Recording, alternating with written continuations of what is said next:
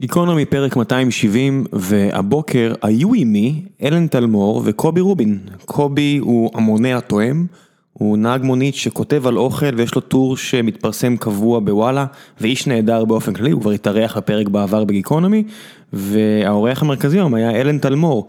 אלן ידוע בתור אחד מאנשי הנקניקיות המובילים בארץ, הנקניקיות שלו ידועות בתור סוגה עילית של התחום הזה, שבדרך כלל נחשב למשהו לא איכותי במיוחד וזה חבל, כי זה יופי של מאכל ואלן מגן על כבודו כבר המון המון שנים, והיה יופי של שיחה על נקניקיות ונקניקים ועל איך עושים ומה עושים, וכמובן שקובי פה אז הפלגנו גם למאכלים אחרים.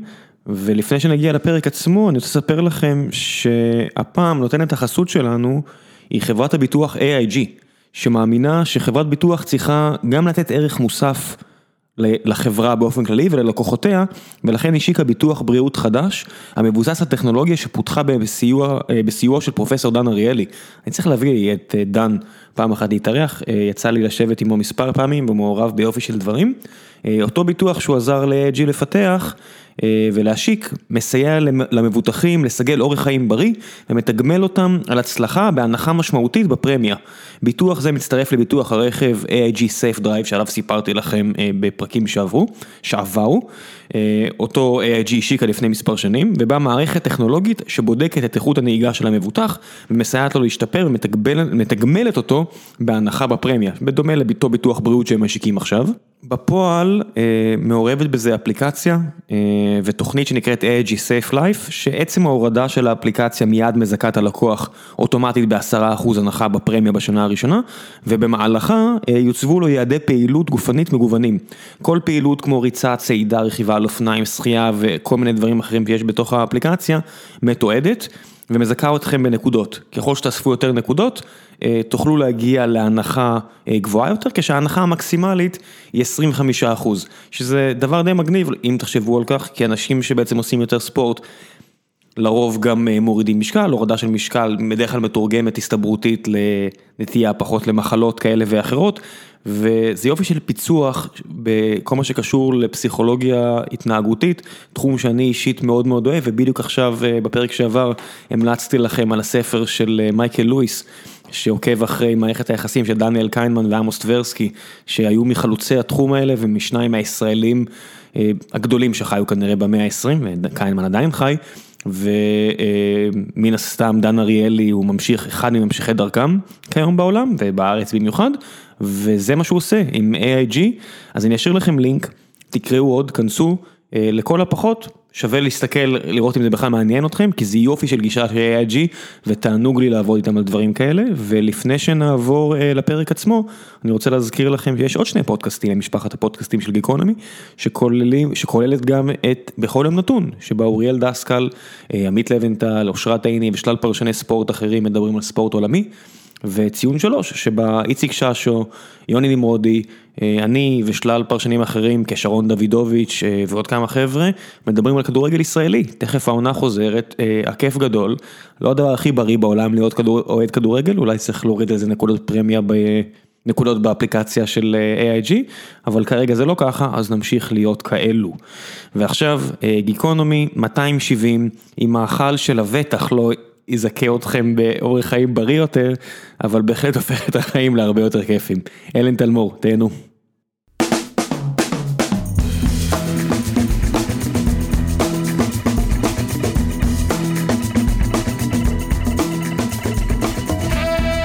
גיקונומי פרק 270 והבוקר נמצא עימי אלן תלמור.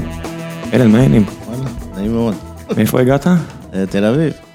זה אמרת לי עכשיו, אין לחץ, כי אולי יגיע תכף אורח להצטרף אלינו, ואם יגיע אז הוא יציג את עצמו, אבל אמרת, אתה מסדר את היום שלך. איך נראה היום של מלך הנקניקיות בארץ? ככה, קודם כל יש לי ילד בן ארבע, שכאילו, אז אני קודם כל מתעורר לעניינים של לשלוח אותו לגן וכל זה. שם לו נקניקייה בתיק? איך? שם לו נקניקייה בתיק? יוצר פסטרמות, כאלה. בהמשך, תמיד כל בוקר אני פותח בשוק, בשוק, באיזשהו שוק, בדרך כלל שוק הכרמל. היום אני מתעסק... רגע, רגע, רצת, רצת, זה נשמע לי להיט. מה זה אתה פותח את היום בשוק? אה, אה, לאחרונה, בשש שנים האחרונות, אני מתעסק בסדנאות יותר ומלמד על כל הנושא של השרקיוטרי.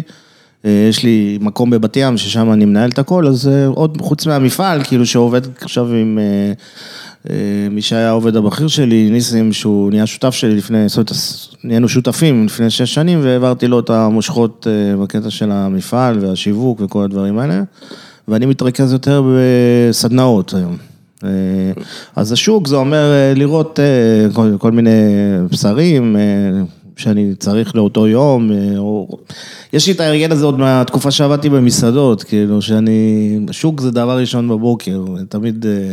כשאתה מגיע יש התרגשות? איך? לשוק? כשאתה מגיע יש אה, התרגשות? האמת שכבר השוק הזה זה די, זה די, זה לא כמו בעבר, בעבר היה לי הרבה יותר התרגשות מה, מהשוק, השוק נהיה קצת השתנה עם השנים ופחות התרגשות, יותר הרגל ופשוט זה היה בוקר טוב, כאילו, אהלן. מה. השתנה?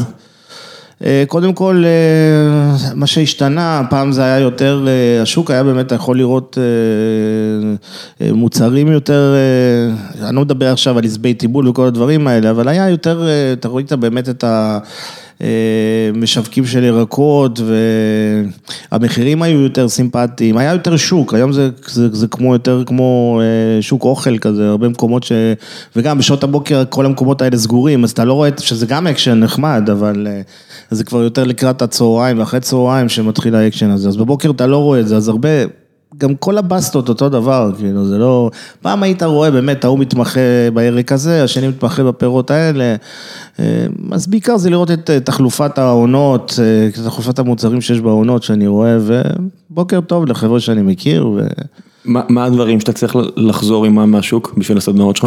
אה, עוד פעם, בדרך כלל אה, אני מלווה את זה בכל מיני, אה, חוץ מהבשרים שגם אני את רובם לוקח מהמפעל כמובן, אבל יש, יש לי גם קליינטים שלי, של נקניקיות, משווקי בשר בש- בשוק, שאני אוהב גם לקנות מהם, כאילו הם קונים ממני, אז אני, למרות שיש לי את הסחורה הזאת במפעל, אבל אני אוהב לקנות גם ממי שקונה ממני. שמבחינת בשרים זה זה מה הכל? אה, כן, בדרך כלל אה, יותר בקר, בקר וכבש, כאילו, רק בשר כשר? לא, לא, אני לא עובד כשר. אני יודע, בגלל זה אני אומר, אז לא, לא. מאיפה אתה מביא? אז אני אני בדיוק קראתי לא מזמן שיש אה, בעיה בארץ עם חזיר בגלל איזושהי מחלה. נשאר רק כן. איזשהו מקום בחיפה שמוכר... לא מדויק, קודם כל באמת זה נכון, הייתה לפני, אני לא זוכר בדיוק, אבל לפני שנתיים הייתה מחלה קשה שבעצם השמידו את כל הזן. ואז יש שתי סיפורים לעניין הזה, סיפור ראשון זה שכאילו שאני שומע מאנשים, אף אחד לא בא וסיפר לי את זה קרה ככה וככה, אבל הסיפור הראשון שקודם כל המחירים עלו בעקבות העניין הזה ועד שהתחילו, ניסו להרים את הזן מחדש, מסתבר שמה שככה חלק אומרים, שבעצם האימהות לא מביאות מספיק ולדות ואז המחיר עולה, כאילו המחיר עלה והם הם לא מספיקים לשווק, את, מספיק, אין בשר לכולם ואז המחיר נשאר, אה, זה זווית אחת. זווית שנייה, זה בעצם שהמגדלים עצמם התרגלו שהמחיר עלה, ואז הם יכולים לגדל פחות ופחות בלאגן, והמחיר נשאר וכולם מסתדרים כאילו, זאת אומרת, זה, יש איזה שוק של משוואה כזה, ש... ואני חושב שזה הקטע, זה באמת, שזה שמה יותר מאשר הקטע הראשון שאמרתי, לי זה נראה ככה יותר. אה, ואז יוצא שפשוט כבר נהיה נורא יקר לקנות בשר חזיר טוב בארץ? כן, נראה, קודם כל, אה, לא שזה בשר יחסית ל... כאילו, כמובן לאירופה זה לא, זה זן שהוא לא, הטקסטורה שלו יותר אה, חולית כזה, בייחוד בבשרים טחונים, הטעם לא מי יודע, אבל זה מה שיש לנו פה. אה, וכן, הבשר מאוד יקר. יש אפשרות ה- לייבא את זה? לא, לא, אסור לייבא חזיר, חס וחלילה. אה, נכון, בגלל כל הרגולציה. גם חזיר, אסור, כן. בשר בקר כמובן שמותר, כאילו, וזה היום בייחוד טרי, זה הולך חזק מאוד. אז עד כמה זה מונע ממך, זאת אומרת, כשאתה מגיע למדינות, אה, נגיד, לא יודע, כל המדינות, גרמניה, אוסטריה וכאלה, הרבה מהנקניקיות זה נקניקיות. הרוב, חזיר, הרוב, כן. אני אגיד לך, אני אישית, כאילו, האומנות, האומנות שלך, זה אומנות ברור. שאתה מאוד מוגבל בה בארץ, אז שרקיוטרי זה חזיר. כשאומרים שרקיוטרי, בעיניי, אה, כאילו בייחוד בקטע האירופאי, בייחוד, אז אה, אתה רואה את החזיר. ומבחינתי, במקצוע זה, אה, זה מה שתמיד עשיתי והתמחיתי בו. אבל בשנים האחרונות אני ממש, קודם כל הפסקתי כמעט לייצר בשר חזיר, אני כמעט לא מייצר, אני מלמד על זה, אבל לא, לא מייצר. אה, בגלל שלא משתלם היחס של לא, לא בגלל המחיר של הבשר, אלא בגלל שקודם כל אני קורא לזה עם ישראל מתחזק. אה, הרבה מאוד אה, אנשים כאילו מפסיקים, כאילו אלה שהיו, קודם כל הרבה מאוד לא אוכלים חזיר. רוב המסעדות שעבדתי איתם הפסיקו לעבוד עם החזיר כדי להרוויח את האוכלוסייה הזאת שבעצם לא, לא אוכלת חזיר. יש אנשים ש... אה, אוכלים כשר, יש אנשים שלא אוכלים כשר, אוכלים פירות ים, אה, שרימפסים, אבל חזיר זה... זה כאילו, הסמל. ואז גם הוא לא ייכנס למסעדה. אז הרבה מסעדנים קלטו את הקטע הזה והבינו שעדיף לא למכור חזיר, וזה יביא להם יותר קליינטורה, וזה ככה. אז... אה, זה מבאס אותך? איך? זה מבאס אותך? אותי לא, אותי זה מאתגר, האמת שזה מאתגר אותי, בייחוד, מה שזה עשה לי בכל אופן, קודם כל, לא יכול להגיד שלא, כי אני, האיכות של אה, נקניקיות חזיר תמיד תהיה ברמה אחת יותר גבוהה בגלל ההתנהגות של השומן. ההתנהגות של השומן בחזיר היא, אה, כשעושים אה, בייחוד מוצרים לגריל, אז השומן כאילו לא בורח החוצה מהמוצר, והנקניקיות הן הרבה יותר עסיסיות. שתיים, התבלינים, כאילו, הולכים, כאילו החזיר יכול לספוח אליו כל מיני תבלינים, תערובות תבלינים, זאת אומרת, אפשר עם החזיר לעשות מלא מלא, יותר אפשרויות, בוא נגיד. מה בבשר עצמו, מה בחיה עצמה ואיך שהיא גדלה מאפשר את זה לעומת, לא יודע מה, כבש? לא, מבחינה שהוא, בגלל שנגיד הטעם של הכבש הוא מאוד דומיננטי, אז אתה צריך לדעת איזה תבלינים ילכו איתו, לא ילכו איתו. בחזיר הוא די אה, כאילו פלט אה, בטעם, אז אתה יכול להשתגע עליו. מתוק, חריף, אה, טעמים מזרחיים, הכל. תשמע, כשאתה גדל בארץ, אתה לא נחשף לזה, ואז מספיק ביקור אחד בעיר כמו מדריד, עם כל החמוניות שיש להם, הקאסה דה חמון שפזורים בכל העיר, ואתה קולט, וואו, כמה אפשר לעשות עם הבשר הזה, כן, זה, זה לא נתפס. כן. ובאירו 2, 3, אתה מקבל כאילו נקניקים כן. מדהימים. זה בדיוק העניין השרקוטרי, כל העולם הזה של השרקוטרי התחיל בעצם לפני עידן המקררים, זה בעצם צורות, אה, שיטות של שימור של בשר שהתפתחו בעולם. ולא רק זה, גם הקטע הזה של ניצול מקסימלי של הבהמה, כאילו. בזמנו לא היו, כאילו, היום בייחוד יש לזה קאמבק, כאילו, בקטע הזה של nose to tail, מה שנקרא, שאוכלים הכל, ויש קאמבק של החלקים הפנימיים שפתאום נהיים להיט במסעדות וכל הדברים האלה. כן, בטן חזיר וכל מיני כאלה. בדיוק. הנה, אנחנו נמצאים בדיוק מעל אה, מסעדה שאני לא יודע אם אציין את שמה בפרק איתך. אה, ש, ש, שעושה בדיוק פלאות עם כל מיני חלקים פנימיים של כן, חזיר. כן. אז אה, בדיוק, אז אה, זה, זה, זה, זה מה שמגניב בשרקיוטרי, כאילו, הניצול, כאילו, אתה עושה מהכל, כאילו, מהאוזניים, מה, אתה יודע. זה די מדהים. איך? כאילו, אני מניח שיש פה עכשיו, אני אומר די מדהים, אני בטוח שיש קהל טבעוני ו, ו, ודתי שמתהפך עליי עכשיו, אבל אה, לא יודע, זה, זה די מדהים, הקיימות הזאת של לנצל את החיה לאור שלה ולכל חלק בה. תשמע, זה הגיוני מאוד, אם אתה כבר... הורג אותה. חיסלת ו... אותה, כן. אז תחסל אותה, אז כאילו... כאילו, תנצל את הכל, כאילו, זה עניין של כבוד לבהמה בעצם, זה נשמע אולי, אבל זה, זה בדיוק העניין, כאילו, לנצל הכל, לא לזרוק, כאילו, זאת אומרת, אז... מעבר לקטע של המחיר, כאילו. מה ההגדרה בעצם? זאת אומרת, בוא נתחיל בנקניקייה, מה ההגדרה של נקניקייה? אה, נקניקייה זה, איך אני אגדיר אותה? זה בשר, כאילו, כשאני מתאר את זה, בעצם בשר, אה, אה, בשר טחון עם 30 אחוז שומן בפנים, מתובל ומוכנס לתוך מעי, כן? מעי, אה, כאילו מעי דק של כבש או חזיר או, או בקר, נגיד, שבקר זה קצת עניין אחר, אולי נדבר על זה אחר כך, אה, ופשוט, אה, אתה יודע, מעצם, מעצם, מכוח הקטע הזה שאתה מכניס את זה לתוך המעי, והקוטר של המעי, נוצר לנו בעצם נקניקייה, כאילו, ש... אה, מאיפה זה התחיל? זאת אומרת, יש את זה הרי בכל המקומות בעולם, מארגנטינה עם הנקניקיות כן, שלהם. כן, בהיסטוריה ו... של הדברים האלה, בדרך כלל אומרים שזה הכל התחיל בסין כמובן, כמו הרבה מאוד דברים. אה, אבל אני לא, לא מכיר את ההיסטוריה ממש, כאילו, זה קשה לי להגיד. אה, אני גדלתי, אה, נולדתי בצרפת וחייתי בבלגיה גם הרבה מאוד שנים, אז בתור ילד זה היה מבחינתי, כמו שאוכלים פה שווארמה, אבא שלי תמיד היה לוקח אותי לאכול נקניקיות, כאילו. אז... כן, זה ה street food של, אתה יודע, אתה מגיע כן. למקומות כאלה, מחוץ לתחנת רכבת, יש בן אדם עם איזה מתקן על הגב שמוכר לך נקניקייה. כן, זה, וזה תמיד דבר, דבר שכאילו תמיד הגניב אותי, זה, זה היה ממש...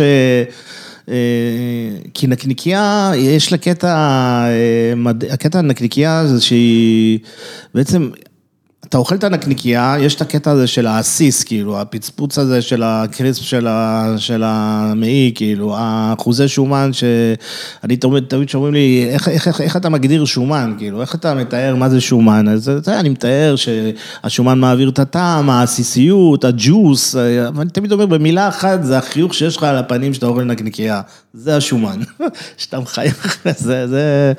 ואם אתה לא מחייך, כנראה קודם כל אה, שאין מספיק שומן, או שומן שהשתמשו לא נכון, או, או שבאמת אה, לא מדבר על התעשייה לגמרי, שזה כבר אה, כמו קרטון, לאכול...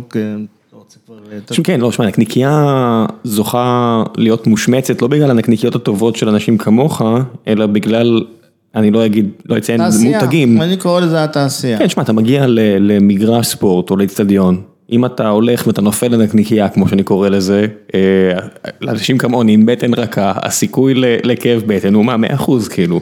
אה, קשה להגיד, עם כל החומרים. אני, אני אומר על עצמי. אה, אוקיי. בגדול, בוא נגיד, דואגים לשים כל כך הרבה חומרים בפנים, שבעצם האכילה, שבאותו רגע לא יקרה לך כלום.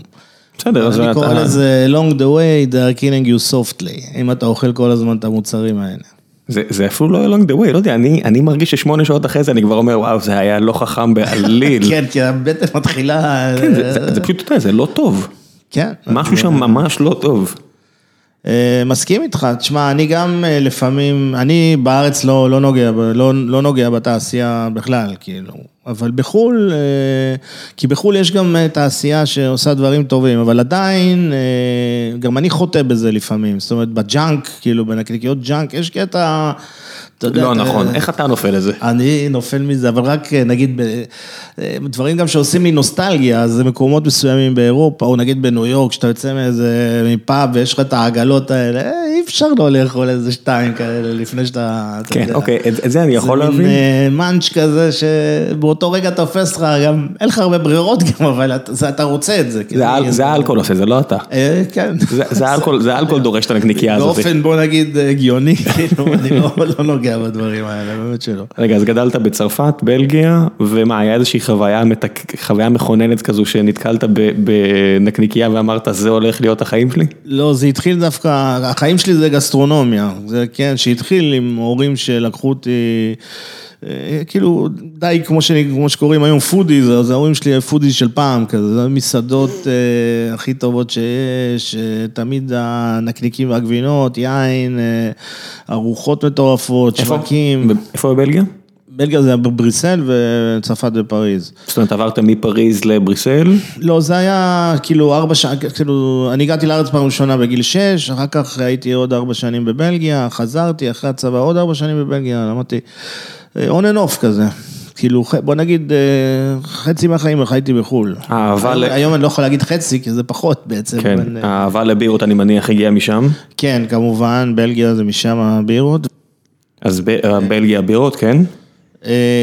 כן, אז זה גם משתלב שיגעון, אבל בגדול, רציתי בעצם כאילו להיות, כאילו עבדתי גם, התעסקתי בזה, להיות טבח, זה מה ש... איפה התחלת? התחלתי במקום הראשון, זה היה, אני חושב, פאביו, כאילו פאביו, פרגו, מסעדות שלא קיימות היום כמובן, אבל זה סוף שנות ה-87 התחלתי לעבוד, אחרי שלמדתי מנהל עסקים בבלגיה. תשמע, 87, אתה יודע, מצחיק, שאלת אותי לפני הפרק אם היו פה מסעדנים אחרים, ושכחתי, היה פה רינה פושקרנה, והייתה פה, היה פה אהרוני וכל מיני כאלה שסיפרו על התקופה ההיא. ואמרו, אתה יודע, לא היה פה כלום, הקהל לא הכיר כלום, כולם השתמשו באבקת מרק. נכון, כשאני השתחררתי זה היה ב-84, ורציתי להתעסק עם זה, להתעסק עם זה, וכש... חיפשתי, כאילו לא לא היה פה מסעדות בעצם, איפה לעבוד, אז וגם באותה תקופה אפילו היה כזה די, היית אומר להורים או לחברים, אני הולך להיות טבח, זה היה נשמע כאילו וואי, זה לא טוב, זה it's not good, זה היה מקצוע כאילו לא לא כמו היום, מקצוע מכובד.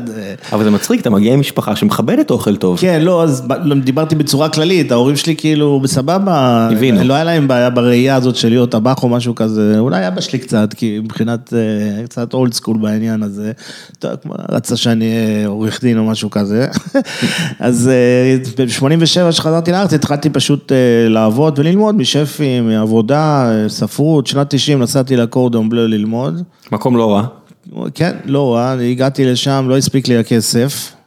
יקר ללמוד שם. אה, כן, אז אה, מה שקרה זה שהמזכירה שם ריחמה עליי כזה, איכשהו סידרה לי לעבוד בבית ספר.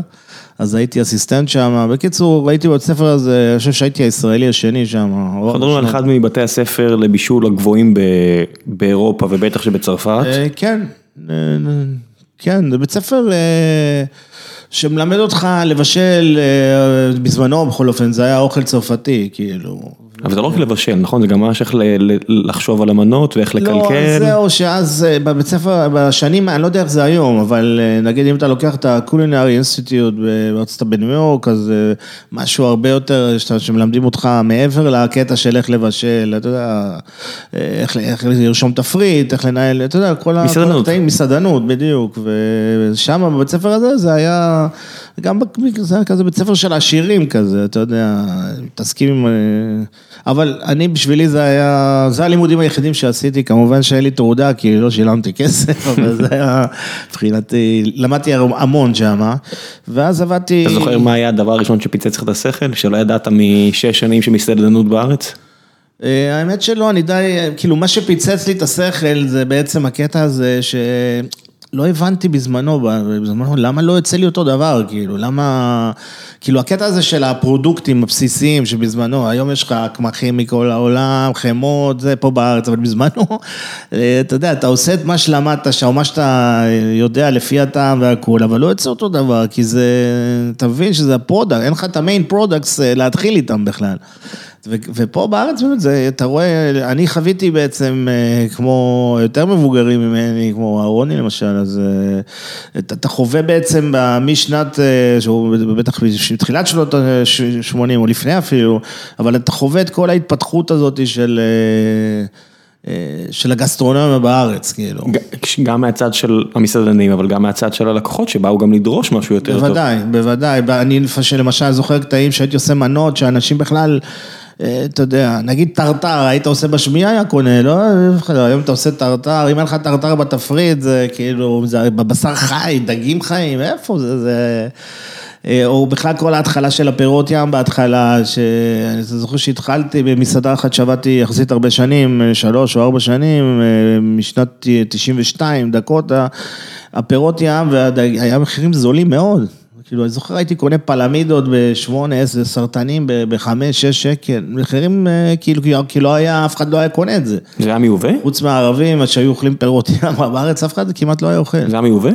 לא, לא, אני מדבר על המקומי, אבל יבוא אחר כך התחיל של קפואים. עכשיו אני חושב שנגמר, לא? מה זה? אני חושב שבארץ כבר אין כן, יותר... היום הכל מיובא חי, כאילו, טרי, כאילו, יש כמובן דגה, יש אה, עם מגבלות, יש זה. מנסים לשמור, אתה יודע, על הסרטנים הכחולים שיש פה, אני לא כן. זוכר אפילו איך זה נקרא, אה, הסוג הזה של הסרטן שיש בארץ, שאני חושב שהוא... אה. בלו קראב, כן, השעיית הכחול זה נקרא.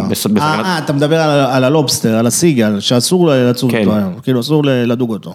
הוא בסכנת הכחדה. כן. הוא בזמנו היה, בוא נגיד, מצטרף אלינו פה עכשיו אורח, אה, מר אה, המונה התואם, מר אה, קובי רובין, שאני הולך לתת לו תדרוך קצר על על המיקרופון, ואנחנו עושים את זה בלייב, אז הקהל מאזין ל- למר קובי החביב, שכבר היה פה באיזה פרק בעבר. כן, כן. בתור, עכשיו אני בא בתור מראיין אורח, רק אורח. אין פה מראיינים, זה שיחות, קובי, אנחנו, אתה פספסת פה 20 דקות של, אה, שהיה עוזר לך ריר מכל מיני מקומות שאתה לא יודע עליהם בכלל. אני, הוא תיאר פה מה, את, את הפצפוץ של הנקייה ש, שבגלל השומן. אנחנו מדברים על פצפצת נעימה ביותר. כן, אתה מבין, זה בן אדם ש, שבזמן שהוא נוהג על מונית, הדבר היחידי שהוא חושב עליו זה אה, איך אה, להביא אה, את התיאור לקורא ולמאזין. אני אתן לך אבל שתי דקות אה, לתפוס את האוויר, כי רצת לפה, שלא תנשום לנו באוזן של האנשים.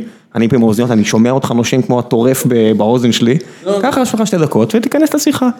בקיצור, היינו בהיסטוריה, ואתה בקרדון בלו בצרפת. כן, ואז אה, שוב, אה, עבדתי פה בגל האיטלקי, עבדתי בפירות ים, דגים, בשר, המקום האחרון שעבדתי בו היה ברברסקו, שזה בר יין בדיזינגוף, אה, שאני יחד עם ניר אילן, שהוא היה בעלים, כאילו הצטרפתי אליו והייתי השף של המקום.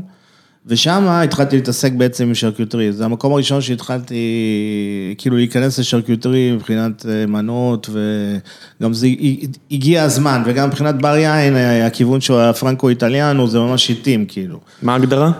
אה, כאילו... לא, שרקוטרי, כאילו, כשאני שומע שרקוטרי, אני שומע עכשיו נקניקים, נקניקיות, מה זה אומר בפועל? אין לזה תרגום ישיר, כאילו זה מילה שאם מפרקים אותה לשתיים, שר וקווי, זה בשר מבושל, כאילו. זה אומנות הכנת, במילים יפות, זה אומנות הכנת הנקניקים, נקניקיות, מוצרי בשר, כאילו, כאלה. או עיבודי בשר, שזה נשמע רע מאוד, כאילו. כשיש... יש סגנונות ממש מובחנים, זאת אומרת הסגנון הצרפתי בלגי שונה מאוד מהסגנון הספרדי, שונה מהסגנון הדרום אמריקאי? כן, כן, בהחלט, גם זנים, זנים אחרים של בהמות, וכן, התפתחויות, נגיד, סתם דוגמה, הספרדים, אז יש להם את ה...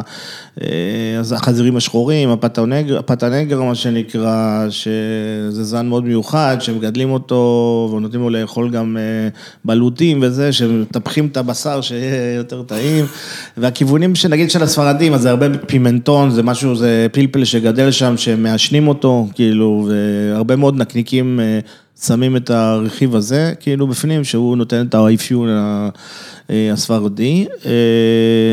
איטליה זה יותר, איטליה וצרפת, נגיד, מבחינת נקניקים יבשים, אז גם יש כמובן זנים של חזירים, אבל הטיבול הוא הרבה, הרבה יותר עדין, נותנים לבשר לדבר יותר, כאילו, זה מלח, פלפל, שום וזהו, כאילו, לא... זה ממש כמו ההבדל בקבבים בארץ בין קבב רומני למזרחי וכל הדברים האלו? אפשר, כן, זה מבחינת טיבול, כן, כן, אפשר להגיד. שוב, יש, יש עוד מלא, כאילו... מה הקהל בארץ מעדיף? מה, מבחינת טעמים? סגנונות. סגנונות, וואלה, מבחינה אירופאית, אתה יודע, את כל ה... את כל ה... הייתי אומר את הכל, כאילו. אוכלים פה פשוט הכל, אה? לומדים לאכול, כן, לומדים לאכול הכל, אין ספק. הקטע היותר מזרח החוק הוא יותר בעייתי עדיין, אני חושב, כל הפרמנטציות, נקניקים מוצסים, זה עדיין, או נקניקיות דם למשל, זה עדיין בארץ לא, לא למרות שהתחלתי לעשות, אחת היציאות האחרונות שלי זה נקניקיית דם כשרה שאני עושה, כי נקניקיות דם עושים מדם של חזיר. אז עכשיו עליתי על איזה נקניקיית, אני עושה, מלמד גם את הנקניקייה הזאת, כי זה, אז לוקח את חולים, טוחן אותם, ואז בעצם נהיה לי דם לגמרי, כאילו זה דם, ומשם אני בונה. תשמע, זה שהכיר בינינו, מר אביב היקר, אז הוא עשה את הקורס שלך ואמר, תקשיב, זה פצצה, מישהו קנה לו את זה מתנה, והוא כל כך נהנה, ואני אמרתי לו, ואתה עושה אחרי זה בבית? הוא אמר לי, לא, זה נורא מלוכלך. כן, אז בייחוד נקניקיות דם, זה זירת רצח, שאתה עושה נקניקיות דם אורגינל. אתה יודע.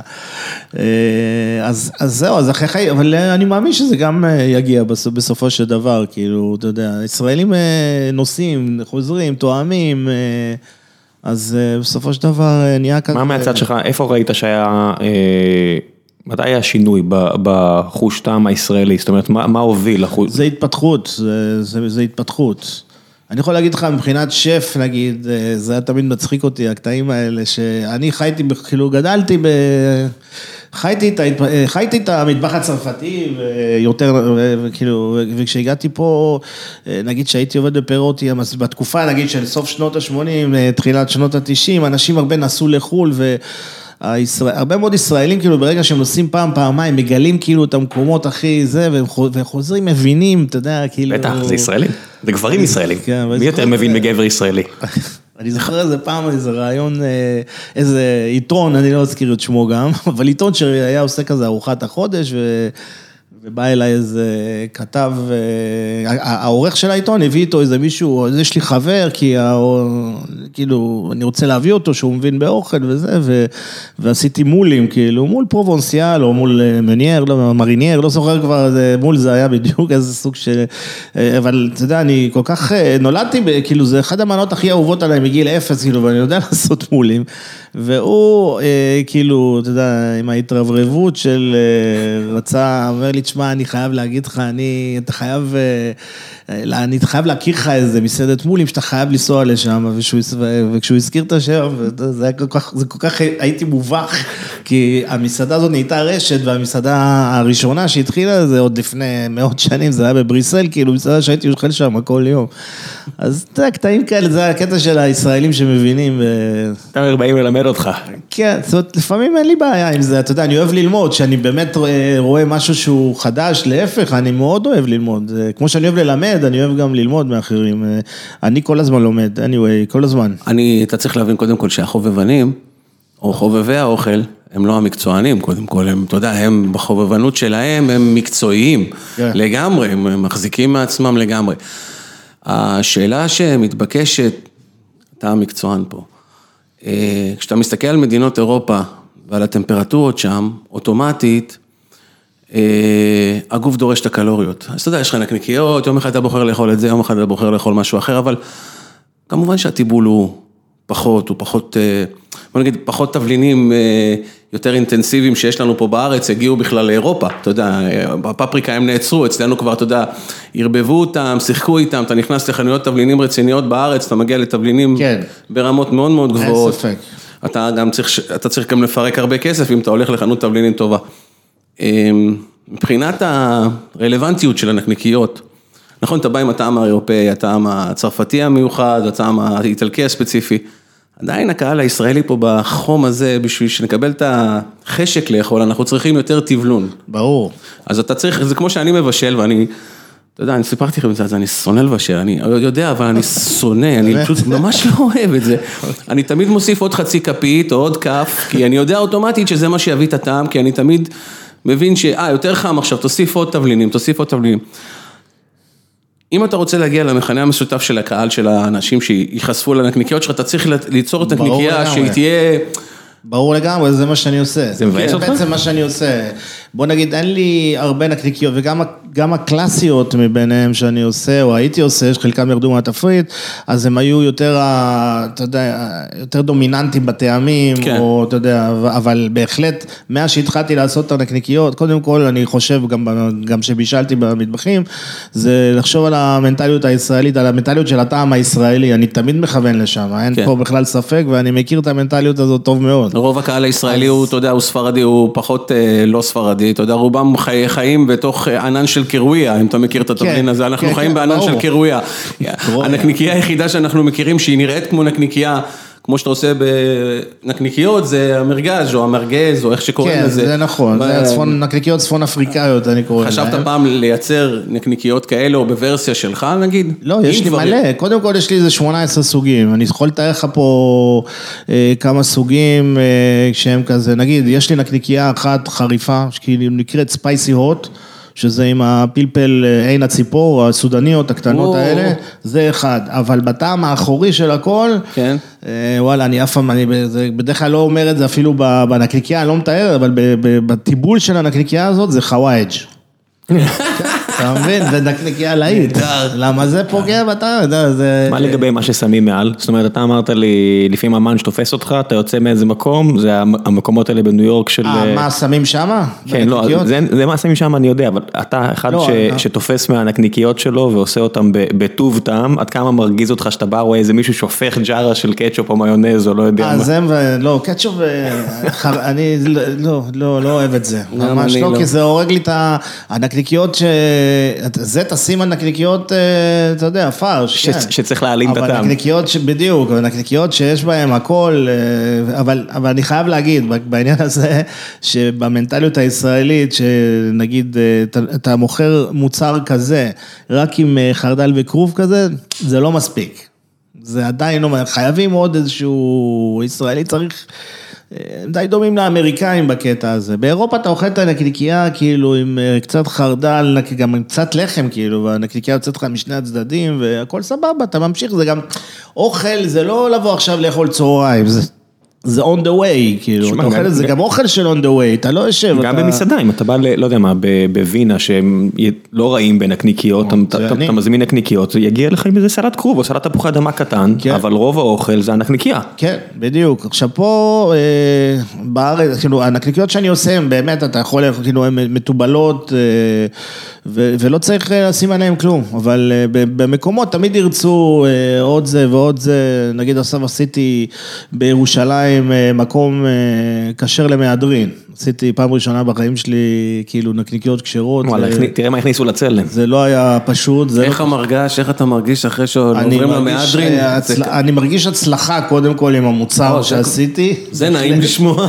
אבל עברתי תלאות רבות עד שהגעתי, כאילו, כי גם המחיר, המחיר של הבשר הזה הוא הרבה יותר גבוה, כאילו, כן. יש שם, צריך לשלם לאנשים על הדרך, אתה יודע. אז בסוף, אז נגיד, שם באמת הקליינטורה היא קהל אמריקאי, דתיים אמריקאים, זה נמצא ממש במדרחוב, מקום מדליק לאללה. אה, אז כן, אז אתה יודע, זה חלפיניו וזה, אה, אה, מה שנקרא bread and butter, זה בצ- בצל עם relish של תפור... של מלפפונים, אתה יודע, כל מיני כן, דברים, כן. כאילו, אנשים רוצים עוד דברים בתוך הלחמניה, כאילו, אתה יודע.